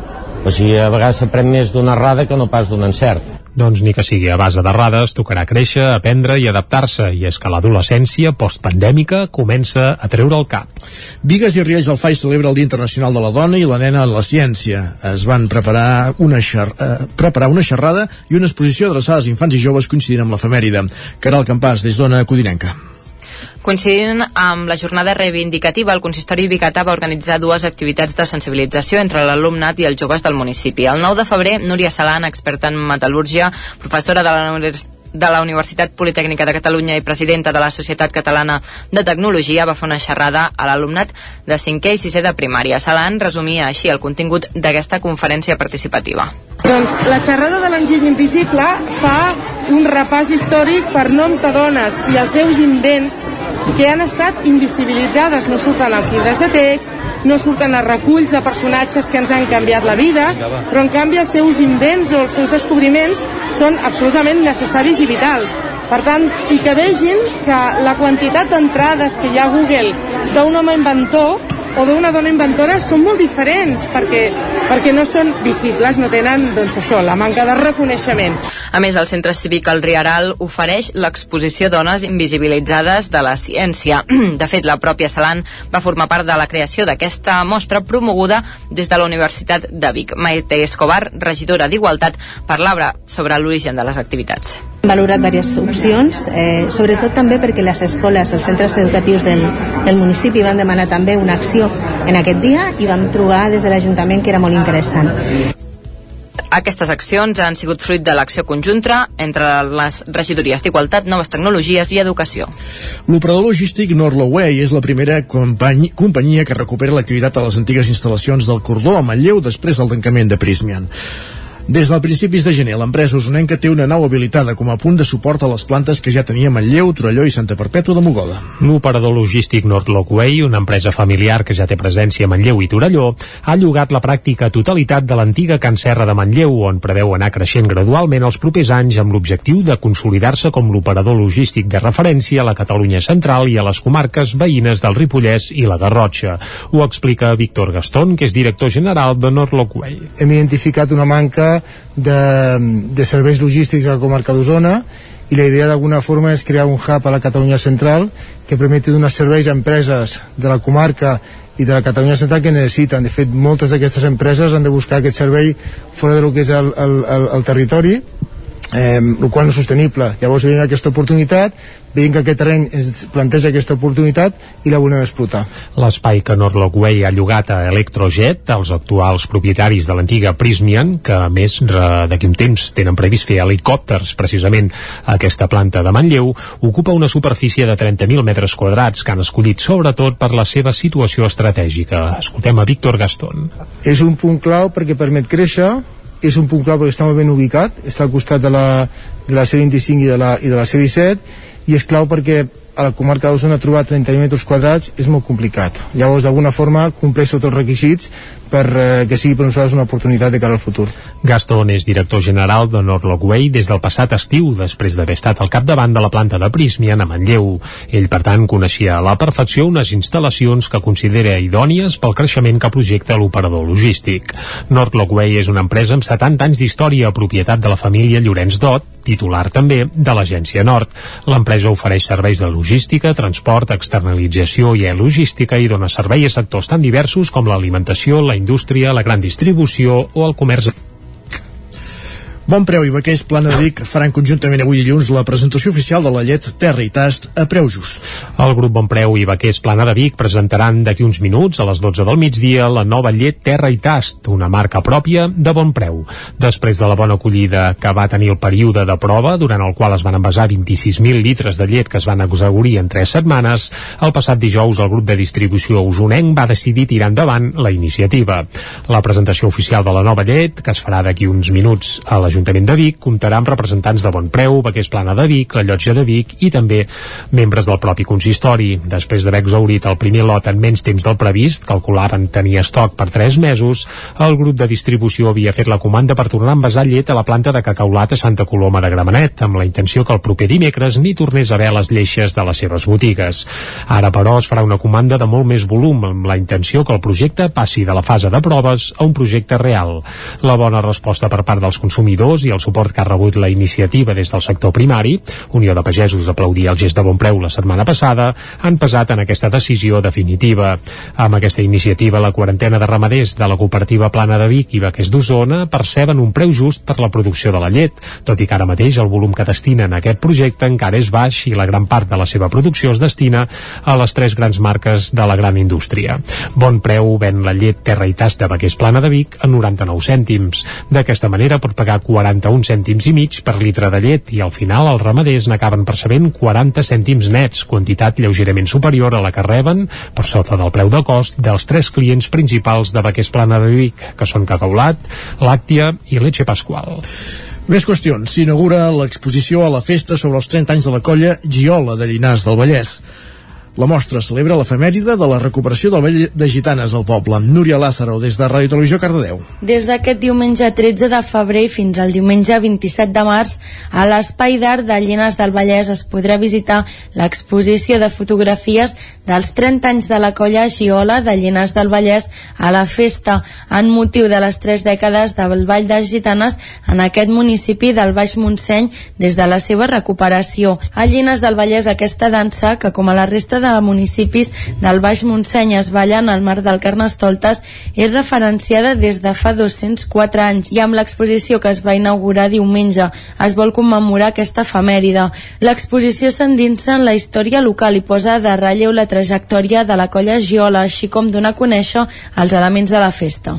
La directora de cinema de Malla, Clara Roquet, triomfa a la gala dels Premis Goya distingida com a millor directora novella. La directora mallenca Clara Roquet ha triomfat a la gala dels Goya 2022. Ha estat escollida millor directora novella per la pel·lícula Libertad, un film que va estrenar al Festival de Cannes i que és el seu debut en els llargmetratges. Va superar a Carol Rodríguez per Chavales, Javier Marco Rico per Josefina i David Martín de los Santos per La vida era eso. En el seu discurs, Clara Roquet va donar les gràcies a tot l'equip de Libertad Libertad i a la seva família, especialment a la seva mare. Va dir que ha pogut fer aquesta pel·lícula, que comptava amb sis nominacions, perquè ha gaudit de certs privilegis que la protagonista del seu film no ha tingut. Yo he podido hacer esta película porque he gozado de ciertos privilegios en mi vida, privilegios que alguien como Libertad, como podría ser Libertad, no ha tenido y pienso que ojalá en el futuro sean las libertades de este mundo que puedan hacer sus propias películas desde su propio punto de vista y que el cine no deje de estar tan a menudo solo a manos de los más privilegiados. Muchas gracias, Juan. A part de rebre el premi com a directora novella, el film Libertat també va recollir el premi per Nora Navas com a millor actriu de repartiment. Navas va compartir el premi amb les seves companyes de repartiment a la pel·lícula i, i amb totes les altres actrius nominades. També va tenir paraules d'agraïment per la directora Clara Roquet per haver fet una pel·lícula tan necessària. La gala de lliurament dels 36ens Premis Goya es va celebrar dissabte al vespre al Palau de les Arts de València. Doncs arribats a aquest punt, acabem aquest repàs informatiu que començàvem a les 11 en companyia de Jordi Sunyer, Núria Lázaro, Isaac Muntades i Caral Campàs. Tot seguit el que fem al Territori 17 és anar cap als solidaris.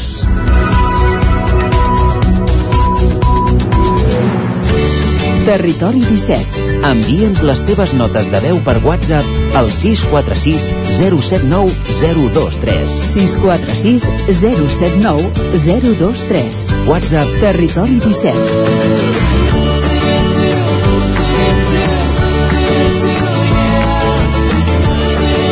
Territori 17. Som a Facebook, Twitter i Instagram amb l'usuari Territori 17.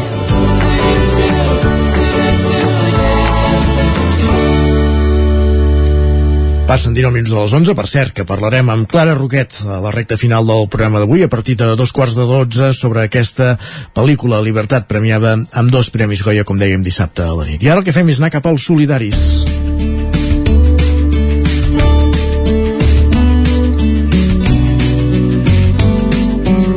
A l'espai de solidaritat que dediquem a les entitats del tercer sector de les nostres comarques, cada setmana des de Ràdio Vic i amb l'Adrià Oliveres, avui ens fixem amb la Fera Ferotge.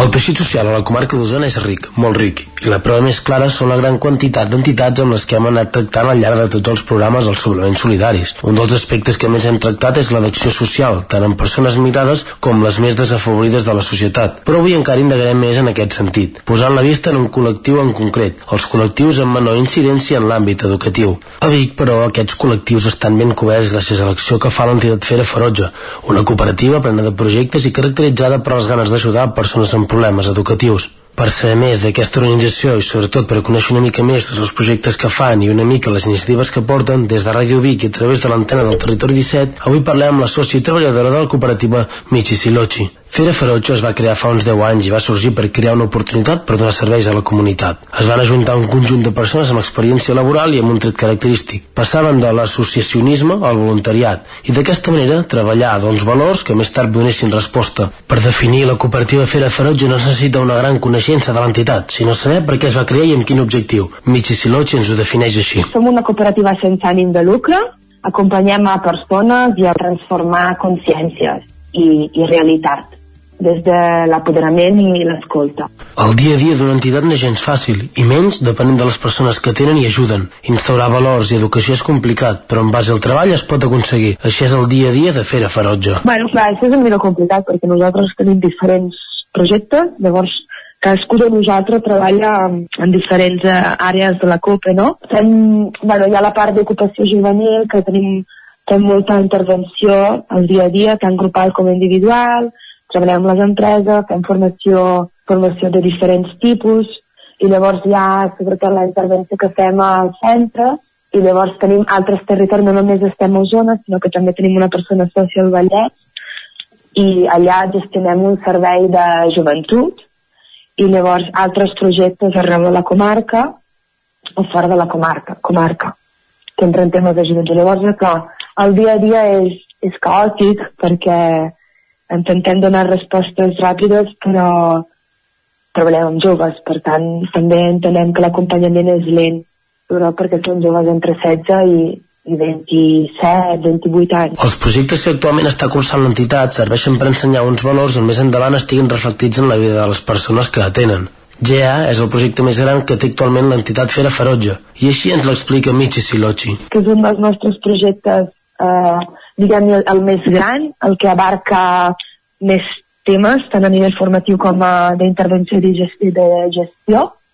Llavors, el GEA és un projecte d'inserció laboral o retorn al sistema educatiu i el que fem és acompanyar les persones joves perquè puguin eh, doncs, definir el seu projecte professional o bé acompanyar-los perquè puguin tornar llavors a estudiar, si és el que volen. Llavors, arran d'això, les persones joves el que poden fer és triar eh, diferents formacions. Vale? Nosaltres aquest any, per exemple, seguim oferint unes formacions, per exemple, en mecànica i electrificació de bicicletes, que és on tenim el nostre taller, el nostre espai formatiu de mecànica i electrificació de bicicletes. Llavors, oferim una formació en auxiliar de cuina, una en horticultura ecològica, una altra formació en uh, distribució logística i costura i patronatge i llavors a partir d'aquí les persones joves poden apuntar i reben tot una, un, un seguiment, no? un seguiment individual i grupal per, perquè puguin desenvolupar i identificar les seves competències.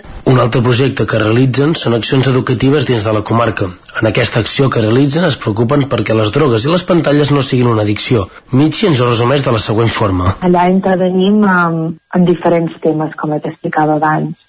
L'idea és poder treballar continguts com la prevenció de drogues, prevenció de pantalles, temàtiques laborals, gènere, sexualitat i violència masclista, tenint en compte sobretot el, no, la, el fet que anem a crear espais on les persones joves puguin reflexionar en quin paper cadascú té respecte a aquest tema i com a la vida quotidiana doncs tota aquesta experiència la poden utilitzar, no? Llavors, eh, tot el que aprenen dels tallers la poden utilitzar. Per tant, eh, treballem molt amb jocs, amb dinàmiques, activitats complementàries que, que, que són sempre molt, molt, molt dinàmiques, com el teatre, utilitzem molt el teatre, per exemple, per quan fem els tallers.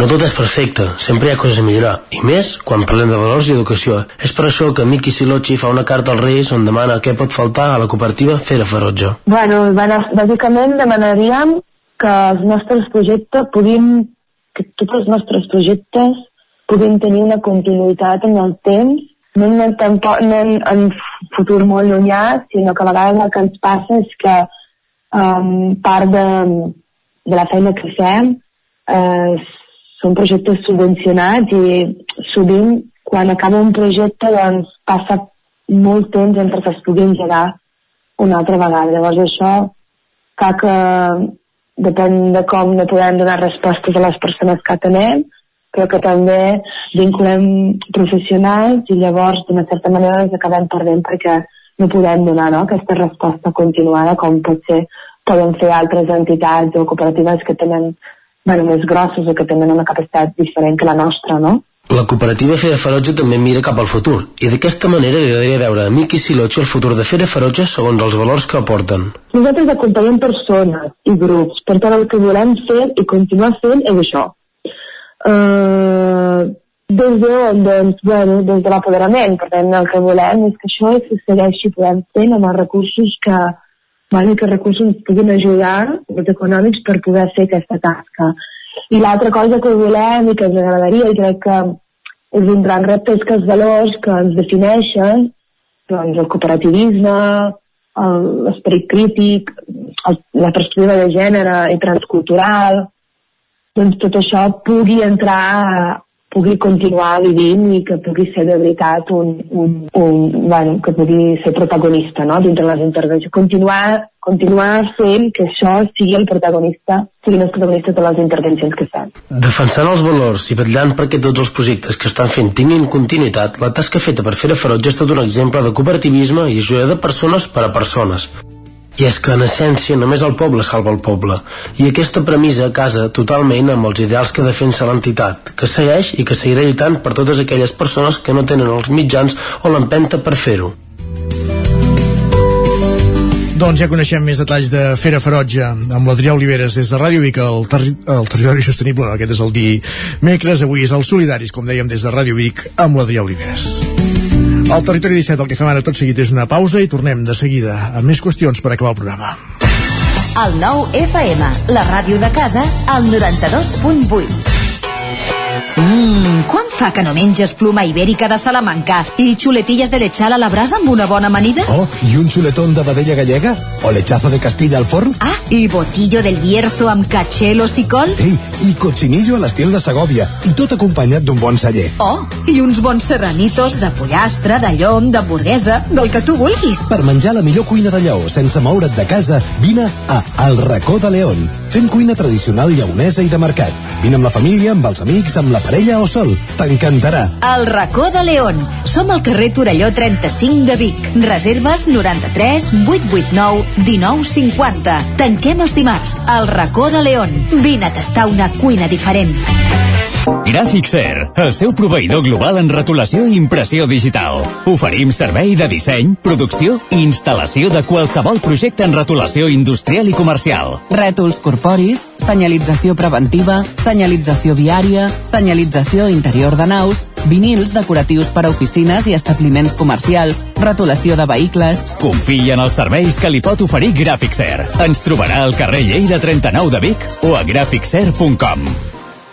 A la rostisseria El Plat ens agrada la cuina de sempre, la de les àvies i de les mares, la cuina feta amb paciència com s'ha fet tota la vida. Vine a provar els nostres canelons gruixuts o els croquetons, les nostres croquetes de 80 grams, i recupera el gust del pollastre a com els que es menjaven abans.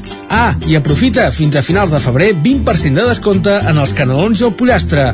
Rostisseria El Plat, encàrrecs fins a les 12 del migdia i servei a domicili. Ens trobaràs de dijous a diumenge al carrer Església número 6 de Taradell o al 93 135 58 85.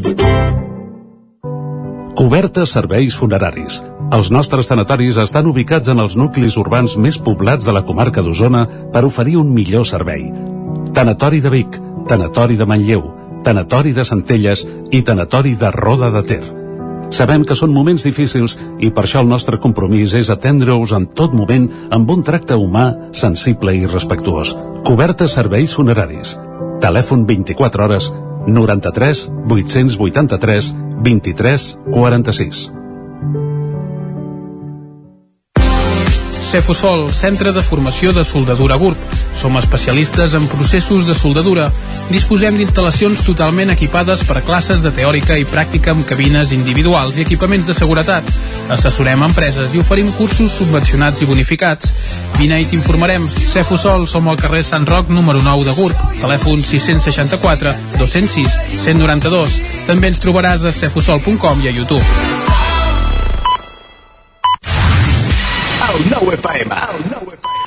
En punt, dos quarts de dotze, al territori 17. I a l'última hora del territori 17 d'avui dilluns, dia 14 de febrer de 2022, el que, serà, el que farem serà començar ja amb la tertúlia esportiva, amb els nostres tertulians habituals de cada dilluns, en Lluís de Planell, l'Isaac Muntades i en Guillem Freixa, per parlar d'aquesta jornada del cap de setmana, aquesta jornada que qualificàvem al principi del programa dels empats, i ja avisem que durant la tertúlia, un moment o altre, quan puguem contactar amb ella, perquè aquest matí és un matí frenètic d'entrevistes amb Clara Roquet, doncs també entra a la, a la línia al territori 17 per poder valorar aquests dos Premis Goya que rebia la seva primera producció, el seu primer llargmetratge, Libertat. Mentrestant, com dèiem, comencem aquesta tertúlia esportiva en companyia de eh, Lluís de Planell, d'Isaac Muntades, bon dia a tots dos, Guillem Freixa s'incorporarà en breus minuts, Bon dia. Bon dia a tots dos. Bon dia, bon dia. Bon dia. I una, una tertúlia esportiva que arriba després d'una jornada del cap de setmana, com dèiem, dels empats, en aquest empat in extremis ahir, al camp de l'Espanyol entre l'Espanyol i el Barça, 2 a 2, un gol de Luc de Jong al minut 96, quan ja ho teníeu fet pràcticament, no, Lluís? Sí, i com sempre, mm, no sé per què 6 minuts, si ho haguessin set 4 haurien fet justícia, però bé eh... però van passar coses també és veritat sí, però no, Saps, jo ho sé Lluís perquè van ser 6 minuts sí? perquè no van treure el cartell dels 6 minuts van, posar el, van treure el cartell de fins que el Barça marqui Ah, esclar. sí, amb l'Atlètic de Madrid va passar igual, eh? Al Madrid esteu habituats a cartell, eh? exactament. No, doncs... ah, sí, no, no, no ho sabia perquè el, el Villarreal no ens en van pas afegir tants, em sembla. Sí, no, no, és que només passa a Cornellà, això, vull dir que quan, Exacte. passa a Cornellà quan guanyem. Eh, perquè quan el resultat no és favorable tampoc passa. De totes maneres, a mi hi ha coses que, que m'agraden recordar declaracions com la de Xavi com la de Laporta el Madrid deixa punts i per tant nosaltres encara aspirem a guanyar la Lliga i resulta que llavors el Barça es deixa els mateixos punts que el Madrid i encara molta sort perquè l'àrbitre allarga 6 minuts o sigui que bé, bé, bé anem bé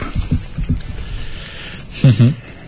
Sí, Sí, no, no, està, està, està clar, eh? vull dir, ha estat una jornada en què, diguéssim que tant el Barça com el Madrid no, no han puntuat, sí, va, bueno, sí que han puntuat, han, han aconseguit un punt, però no han aconseguit els tres i els, i els rivals així més directes de, de tots, o sigui, el Sevilla, el Betis i l'Atlètic de Madrid, que serien els seus rivals per, anava a dir el, el Betis i l'Atlètic de Madrid més per la Champions amb el Barça i el Sevilla més per la Lliga, no? Però, però bé, el, el Madrid de totes maneres ja es va veure alguna cosa, eh? Ja, ja, Isaac, eh, Sí. fem una cosa, si fem un moment, reprenem la tertúlia d'aquí, res, 3 minuts, perquè a part de futbol, cap de setmana també han passat altres coses, com per exemple la gala dels Premis Goya, ho explicàvem, amb aquests dos guardons per la pel·lícula Libertat de la cineasta usonenca mallenca Clara Roquet. És el seu primer llargmetratge i, com dèiem, doncs, un debut pràcticament immillorable. Clara Roquet, bon dia. Bon dia, moltes gràcies per convidar-nos. Com, com estàs portant aquesta ressaca dels premis, per entendre'ns, no? Perquè, pel que veig, tens un matí d'entrevistes frenètic, eh? Sí, avui déu nhi però bueno, molta alegria. La veritat és que encara estic una mica de ressaca emocional, perquè el diumenge encara no ho havia fet del tot, ja només estic començant a fer cares i, i déu nhi déu Libertat, una, partí, una pel·lícula que partia amb cinc nominacions en aquests Goya, dels, de les cinc nominacions n'heu aconseguit dues millor directora novella i millor actriu de repartiment per Nora Navas però clar, hi ha un fet destacat que és que també, per exemple, optaves a, a la millor direcció no era fàcil perquè hi havia Fernando León d'Aranoa que és qui va guanyar, o Pedro Almodóvar però però déu nhi no? Aquesta, aquest primer llargmetratge, doncs, el, recorregut, l'acceptació que està tenint, la valoració que Sí, està mi em tenint. sembla, a mi em sembla una bogeria tot plegat. Uh, ho he rebut amb... No sé, sempre és molt bonic que, que apreciïn la teva feina i si a més a més amb una òpera prima doncs encara més.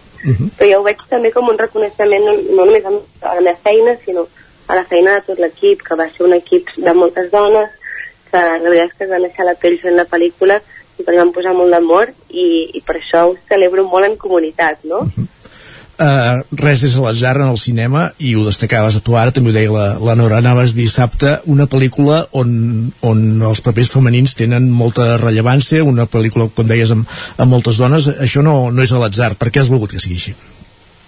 Doncs perquè la narrativa de la pel·lícula ho exigia, sí, i després perquè la majoria de persones amb qui m'agrada treballar, que són professionals increïbles, donen la casualitat que són dones, i per això parlo molt en plural, perquè gairebé totes les caps d'equip de la pel·lícula eren dones. Però no va, no va ser per militància, que també en tinc, però justament va ser perquè eren les millors per la pel·lícula. Envoltar-te d'això, de grans noms, ara parlem d'actrius, eh, com la Vicky Penya, la mateixa Nora Navas, per poder fer la teva òpera prima, diguéssim, va ser un, el primer regal, per, per entendre'ns? Clar, poder, poder comptar amb elles és un luxe, perquè et donen unes taules no? i una experiència que jo que no en tinc tanta, em va molt bé. Eh, a mi va ser un regal absolut poder treballar amb la Nora i la Vicky, i encara a dia d'avui penso que estic molt agraïda per confiar en una òpera prima, no? Perquè com a, com a actor, doncs, actriu, no, no saps tant què et trobaràs en una òpera prima. Sempre és més fàcil treballar amb directors reconeguts perquè ja saps una mica com treballen i crec que van fer un acte, un acte de fe i els estic molt agraïda. Una pel·lícula, Libertat, que explica moltes històries en una de sola, que atrapa, que retrata, que interroga, són eh, elogis que hem llegit aquests dies a, a les xarxes socials. És una mica el, el que és la continuïtat d'aquell teu primer cur, curtmetratge, diguéssim, eh, eh, El Adiós, que, que estrenaves l'any 2015 i no sé si una mica el, bueno, eh, la, és el teu, la teva carta de presentació és evident cinematogràficament parlant, diguéssim, però un projecte amb el qual feia molt temps que treballaves, no? Sí, la llibertat va venir justament de l'adiós, va venir el procés de càsting de l'adiós i doncs, el procés de fer el curtmetratge, que temàticament és molt semblant, i hi ha moltes coses que porto molt de temps treballant a llibertat i també coses que porto treballant en el meu curtmetratge, aquestes bones nenes com a relació entre les germanes o amb els pares, i, o per exemple una mica la, la idea del, del coming of age de l'adolescent, i en aquest sentit crec que té, és, un, és, és molt coherent, diguéssim, llibertat amb el que he anat fent abans i és un camí que m'ha portat aquí d'una manera molt, molt natural, crec. Explica'ns com va anar dissabte a la nit. Nervis, l'experiència, com molt patiment, com, com va anar tota la gala, perquè va ser llarguíssima, diguéssim, i tu segur allà a la butaca, com, ho, com, ho, com ho vius, diguéssim? I a més a més no et deixen beure aigua ni aixecar-te en cap moment, con la qual acabes, ja va, quan vaig acabar tenia una set ja de, demanar, doncs teniu una ampolleta, una botelleta d'aigua. Um, doncs en les, els primers minuts els vaig viure amb molts nervis fins que no, fins que no van dir el meu, el meu premi perquè tenia molta por o d'entrebancar-me o d'oblidar-me del discurs. Llavors estava molt nerviosa una vegada ja, ja vam guanyar. Em va fer pena perquè em vaig perdre en directe el moment de la Nora Navas perquè estava en el backstage fent una fent fotos i tot plegat. Uh -huh. i de sobte van dir vaig sentir Nora Navas i vaig intentar tornar corrents però no, no, no vaig tenir temps de, al meu lloc. De fet, a la transmissió televisiva es veu com que la, que la Nora ja és pràcticament l'escenari que tu entres a la, tornes a la sala, diguéssim, de, de recollir ah, sí? el Sí, sí. No havia vist això. Uh, I ara ja per acabar, amb què estàs treballant? Nous projectes, guió, algun altre projecte per dirigir? Per on passa la Clara Roquet?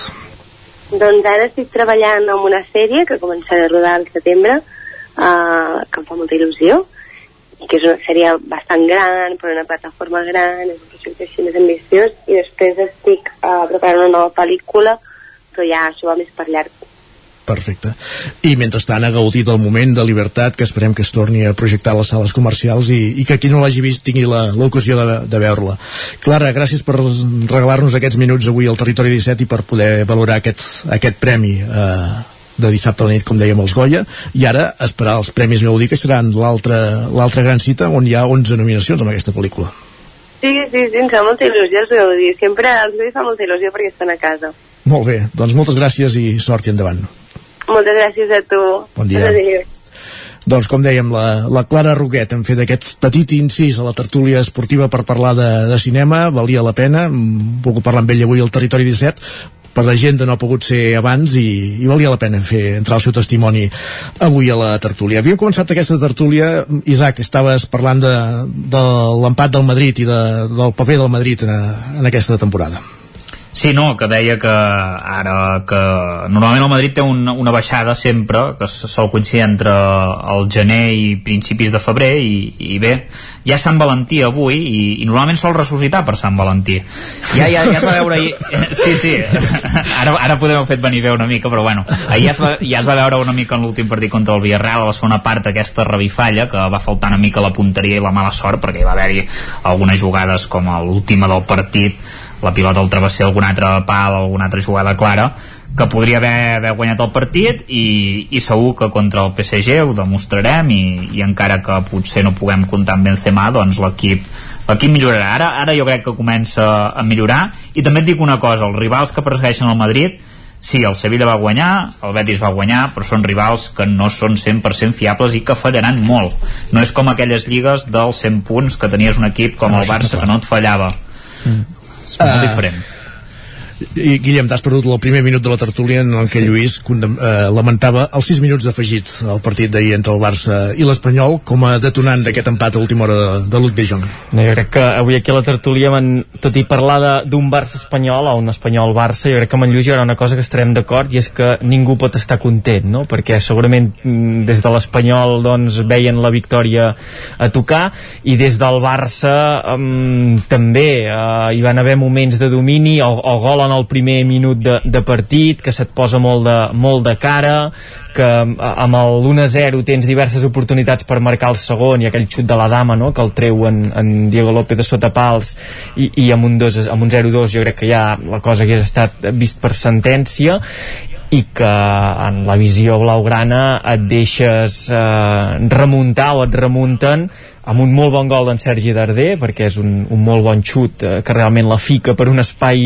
eh, milimètric de cames i en un lloc on no hi arriba de cap de les maneres Ter Stegen i després el, el 2 a 1 de Raúl de Tomàs que eh, jo em vaig en recordar eh, molt d'en Jordi Bou, el, el, el perico també il·lustre que ve les tertúlies de, del temps afegit, que ell sempre critica de, de, de la filosofia Barça, no? que els centrals han de saber treure molt bé la pilota, que han de tenir molt bon joc de peus, però que cada cop s'estan trobant més eh, centrals que, que no saben saltar a, a treure pilotes de cap, que no tenen un bon posicionament al, al darrere quan han de fer feines defensives i ahir Eric Garcia amb el gol de Raúl de Tomàs eh, és que és eh, no tremendo. dia, no, ni, ni, per posició perquè està mal posicionat, trenca el fora de joc està en una posició que per corregir-li és impossible i després que la pilota li ves que no fa ni el gest de no sé, d'intentar saltar, d'intentar uh, corregir, intentar rebutjar la, la pilota i et marquen el, el segon.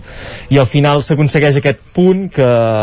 Si el Guardiola deixa anar un jugador i és que hi ha alguna coseta que no sí. funciona Sí. Ara, vosaltres dèieu que l'Eric Garcia és un, bueno, era un crac. No, un crac no, és molt jove, eh, jo crec que té marge també per, per, per corregir i créixer, però sí que se li veuen a vegades llacunes d'aquestes que, ostres, que fan, que fan patir. Va anar molt bé, sí, sí. Vull dir, jo crec que tota la gent de l'Espanyol devia dir que, que, fa, que després en el de Luc de Jong falla Sergi Gómez, no? Si no vaig errat, és el Els que... centrals no van estar especialment eh, diguem que, que espavilats eh, tant en el primer com el segon gol uh -huh. bueno, el segon sap molt més greu perquè és el minut 96 que no hi havíem d'haver arribat però eh, bueno. el primer doncs també en pipa perquè és el minut 1 vull dir que el 2 que això de no hi hauríem d'haver arribat és discutible no? no, no, no és indiscutible o sigui a Bilbao, a Bilbao es va perdre al mateix temps i van ser 4 minuts però vist també haver-hi un fet que durant el- l'afegit haguessin set 4 o haguessin set 6 també va haver-hi l'expulsió que, ja, Sí. que va allargar un minut més la cosa vull dir que en fi si no haguessin set 6 haguessin set 5 i un i que l'afegit te n'en recordes quan et passen coses d'aquestes moltes eh, vegades en, jo, Sí. eh, jo diria que no és eh, di- discutible que Catalunya Ràdio és una emissora Sí, sí, sí. eh, culer eh, Ah, culer, jo pensava que volies dir que, que solen ser més... Eh... No, no, culer. Ah. No, no, no solen ser res. Eh, Jo crec que totes són culers, Lluís. Sí, sí, exacte. Bueno, la grada, per Vull exemple, dir- ahir, aquesta és nostra. Sí, no, aquesta no, clar, aquesta no. Barça TV és del Barça, que clar. Sí.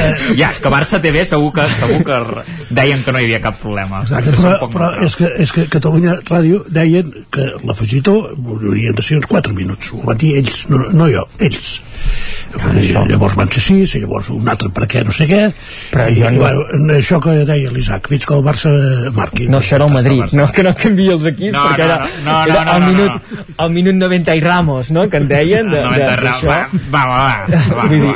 Aquell no. dia sí que es va perdre temps, aquell dia. Jo crec que mm, l'àrbitre no va allargar 6 minuts pensant segur que allargo 6 minuts perquè Jo estava convençut que el Barça empatava. No, jo crec estava que no. convençudíssim. Estava convençudíssim. Tenia una sort aquest any amb jugades així a, a l'últim instant, amb gols als últims Sí. minuts.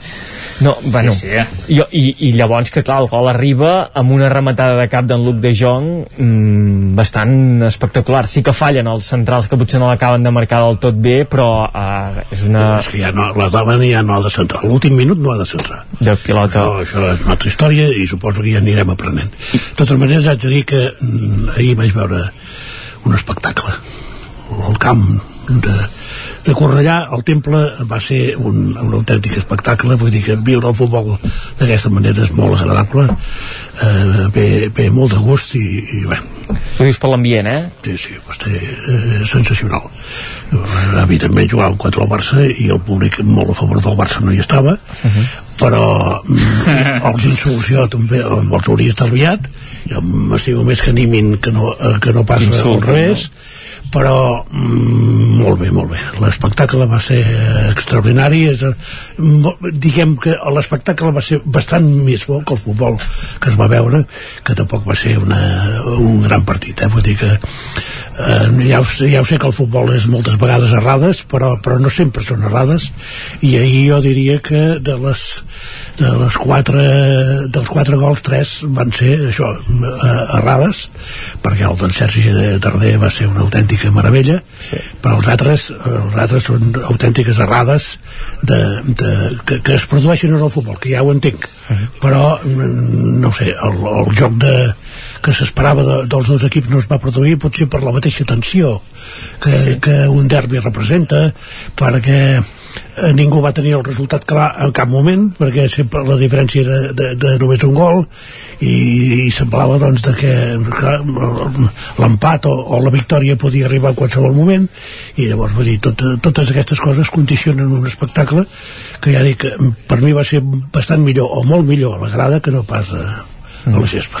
No, i que segurament diu molt del moment de tots dos equips, no? Perquè un Barça que arribava ja amb aquest focus de, de si lo del dia de l'Atlético de Madrid era un punt d'inflexió, que aquell Barça sí que és el que tot culer vol, vol veure, les sensacions al, al camp, eh, aquesta pressió d'haver de, de repetir una molt bona actuació, i a davant també un espanyol, no?, que venia d'un tram de temporada on no acabaven de, on no estaven sortint els, els resultats. Eh, jo vaig, eh, aquest cap de setmana va tocar treballar, vaig sortir d'aquí també vaig trobar una altra eh, periquita il·lustre de, de la casa com és Laia Mira el Peix i, i només sortir d'aquí em va dir no, no, jo, jo ho tinc assumit i li vaig dir, què tens assumit? i diu, que, que perdrem, que perdrem vull dir que també es posava la, la vena abans de la ferida i segur que, que va ser de les que va cridar uh, més els, els gols aquesta situació així, no? de, de dos equips que una mica que els hi tremola ara mateix en aquest eh, tram de temporada doncs els resultats, els jocs aquesta necessitat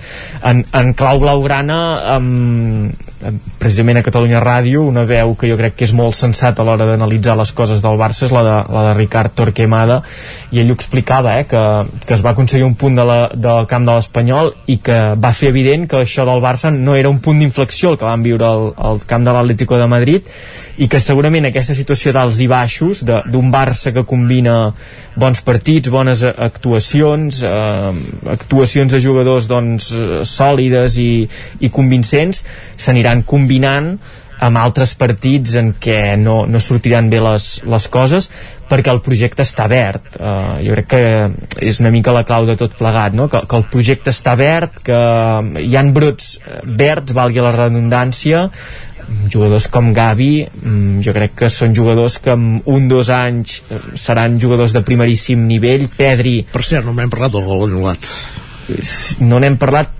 perquè... No, no, no hi ha res a parlar és fora de joc, vull dir que no hi ha... Si no hagués estat pel bar, aquest gol era gol. Sí, exacte, no, sí, això sí.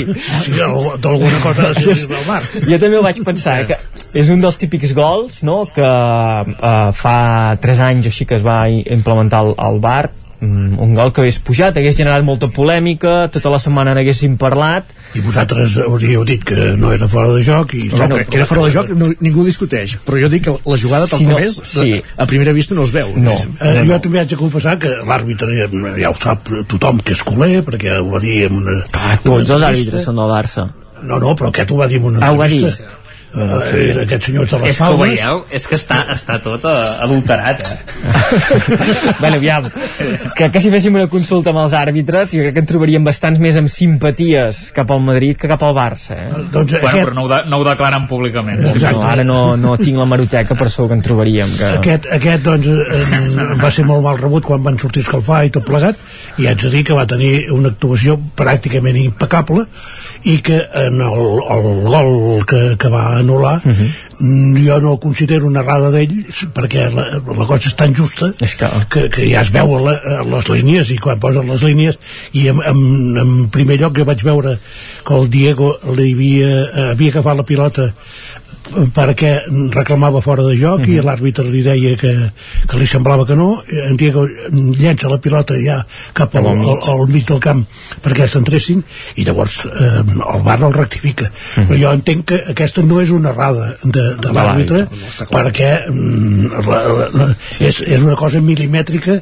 i només es, ho poden eh, dir les, les línies que marquen sí, el, sí. el bar jo això ho entenc, per tant jo entenc que l'àrbitre va, va tenir una bona actuació i eh, suposo que pressionat també pel, pel, per, per tot el que va voltar mm. eh, eh, en el partit i llavors doncs vull dir, ell s'hi va esforçar i per mi va, va, va estar mm, correcte. Sí, i que és, és la, la utilitat del bar, no? O sigui, un, una acció que realment en directe mmm, ningú veu que hi ha un fora de, de joc, els únics que potser intueixen que hi ha hagut alguna situació rara són precisament els jugadors que estan allà a, a escassos centímetres de l'acció, això que deies que, que en, en Diego López eh, recrimina alguna cosa perquè devia veure que hi havia un rebot eh, que va deixar la, la pilota eh, en, en bona posició amb el, amb el jugador del Barça i després és quan el, el VAR doncs, ho, ho analitza, ho mira, ho detecta i realment en la imatge es veu que, que un jugador que ve de, estava fora de joc com, com De Jong doncs la toca, intervé amb l'acció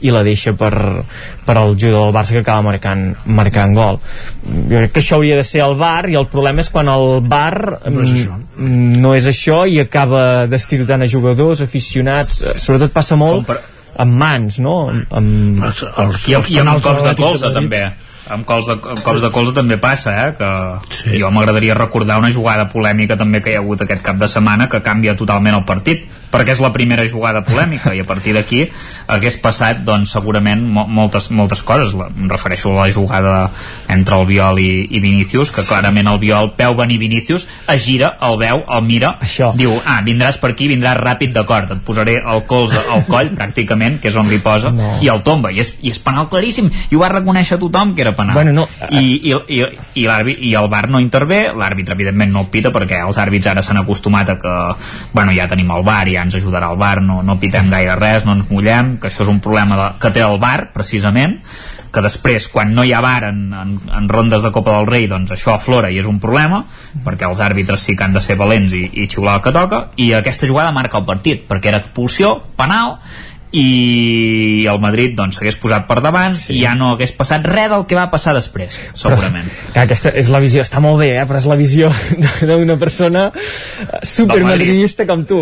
Però, uh, bueno, clar, no, no, no diré, diré que no va ser penal. No, però vull dir que, que, el Barça, que precisament al final del partit a mi em va fer bastanta gràcia perquè vaig enganxar el, el, el peu de camp, el, el postpartit, i van entrevistar precisament Sí. a, Raúl Albiol, i a mi em va fer molt, molta gràcia la sinceritat de Raúl Albiol que va dir, li van preguntar, Sí, hi ha hagut cop de colze? I va dir, no, no, si jo li arribo a clavar un cop de colze com es diu que, que vaig, que, o que he fet i, i que m'haurien d'haver expulsat i penal és que Vinícius no s'aixeca vull dir, va, va fer aquest, aquest matís i va dir que era un, una qüestió del joc que ell es girava per, per guanyar la posició i que just en aquell moment doncs, arribava com una bala a Vinícius, que això també ho té, eh, que va una mica esperitat pel, pel món, eh, aquest jugador, i impactava amb, amb el, amb el jugador del Villarreal. no, no, pot, pot, pot, dir el que, pot dir el que vulgui però, no. Però que, li to, que li toca el coll li toca la, la cara pràcticament no li toca el, el, el pit com va dir ell, perquè em sembla que el Viol ho diu que li toca el pit, no, que el veu, que és mentida que t'està enganyant, Vinícius- que a sobre ho diu un exjugador del Madrid. És que clar, Clar, és- jo crec que l'àrbitre es va pensar que encara jugava amb el Madrid i, i per això no, no va xiular. De totes maneres, si, si es pensava que el periodista es pensava que l'Albiol dia no, no, era penal, eh? Vull dir que No, però- ja vaig fotre, eh? Vull dir, no, esclar, vull dir, hi ha coses... però que no va buscar uh, sortir per la tangent ni, ni dir altres coses. Ell va, ell va reconèixer que hi havia hagut un contacte però que era fruit de- d'un- d'un- una acció del, és del una altra joc. manera de reconèixer vull dir que no, però que, que la força no era la que, la que Vinícius va acabar representant al, al terra perquè Vinícius s'ha integrat realment bé al Madrid també en aquest aspecte eh? és que ho sabia, ho sabia. De jugador que el... parlem de tot en, en Piqué molt, jugar com, com Neymar, no? que es van en, en, en Piqué molt bé, eh? Molt bé, en eh? Piqué és un passarell Quin central jugarà? Quin No central sé. jugarà el pròxim Bueno, partit? L'Eric Garcia, un Sí. titi Sí, el, el d'Europa League no, eh? Perdona, que hi ha l'Europa League eh, entre setmana, aquest, aquest no, eh? Aquest, No, no, la Lliga. El del, No, no, Lliga, jo crec eh, que dir, sí, sí. Piqué cau en el parany, no? I, I a més amb, amb, amb, amb el pobre Nico que fa mig metre menys que ell Sí, però Déu-n'hi-do, eh? Anava envolentonat el nen. esclar home, Cornellà tampoc ens podem deixar trepitjar No trepitjar, no, perquè de fet el qui rep és Piqué en un primer moment, fa una recriminació i llavors s'enganxen, no? Sí, però ah. està claríssim que és en Piqué el que Clar. perquè mm, de topades com aquestes n'hi ha moltíssimes Sí, però Piqué aquí si hagués sigut una mica més murri um, aquí hagués tocat el rebre hagués sigut només uh, en el jugador de, de l'Espanyol perquè és al final qui s'hi acaba encarant en un primer moment, l'únic que l'àrbitre jo crec que també això, eh, influenciat pel, per l'ambient els acaba expulsant a, a tots dos però Piqué no el toca quan fa però no el toca amb el jugador de... Que és molt ben rebut a Cornellà Bueno. eh, eh, que, bé, fer aquelles, eh, aquelles coses que passen però mm, van xocar dos jugadors que ho viuen molt, no? això del Barça i l'Espanyol, perquè em sembla que uh, Melamed sí, també... ell diu que els càntics contra seu eh, són sinfonies i que el motiven ahir no va pas semblar que eh, fos precisament això però bé, Bueno, és que també com havia anat el partit, suposo que, que frustració, però això forma part, no?, de la salsa dels... Ah, sí, sí, sí. Derbis, aquesta, si no va més, vull dir, si, si uh, aquestes picabaralles, aquesta tensió, jugadors que realment uh, sentin uh, el, els colors i que, que hi hagi aquesta, bueno, aquesta intensitat, jo crec que, que és bo i positiu per... Ja ho he dit, eh, l'espectacle ahir eh, va ser molt millor la grada, va ser... La pancarta aquella potser no? Haurien d'haver posat... Eh, hi havia una, al principi del partit hi havia una pancarta allà a la zona de més càntics que era tot en castellà eh, això ja això és inevitable. Perquè, perquè por, para que lo entendamos todos sí, sí, sí exacte. No, bueno, clar, no, seria no, això, no? aquesta, aquesta Bar colla Barcelona que... entera no sé, sí, no sé sí, què, los estandartes. Estos, estos son nuestros estandartes no sí. sé què, vull dir, eh, no hi ha pas manera. La juvenil la van, els van obligar a posar-se amb, la, amb la curva aquesta eh, van intentar però no se'n surten. Vull dir que són, són, són gent de, del morro fort i que eh, només volen fer servir el castellà perquè els sembla que és l'idioma de l'imperio i no, no, no els traiem jo, jo quan vaig anar a la Universitat de Vic em vaig conèixer uns quants d'aquests que eren de l'Espanyol i que em sembla que que venien d'aquesta zona més de uh, públic juvenil, més, més radical, sí, sí, i eren així, eh? Mm -hmm. Però bueno, um, no ha canviat, veig. Exacte, no, no, no hi ha manera, els, els, els, els juvenils encara són minoria i llavors doncs, doncs manen els de la curva i els de la curva doncs, són així. Doncs ho deixem aquí, després de parlar de la curva després de parlar d'aquest derbi del cap de setmana Barça Espanyol, Espanyol 2 Barça 2 i ho deixem aquí un dilluns més i tornem la setmana que ve, gràcies a tots tres. Adeu, adeu, vagi bé i acabem també un territori 17 que començàvem a les 9 del matí en companyia de Pepa Costa, Isaac Muntades, Caral Campàs, Núria Lázaro, Òscar Muñoz, Guillem Freixa, Lluís de Planell, Esther Rovira, Adrià Oliveres, Guillem Sánchez, Jordi Sunyer i Isaac Moreno. 17 un magazín del nou FM. La veu de Sant Joan, Ona Codinenca i Ràdio Cardedeu amb el suport de la xarxa. I tornem demà, bon dia. El nou FM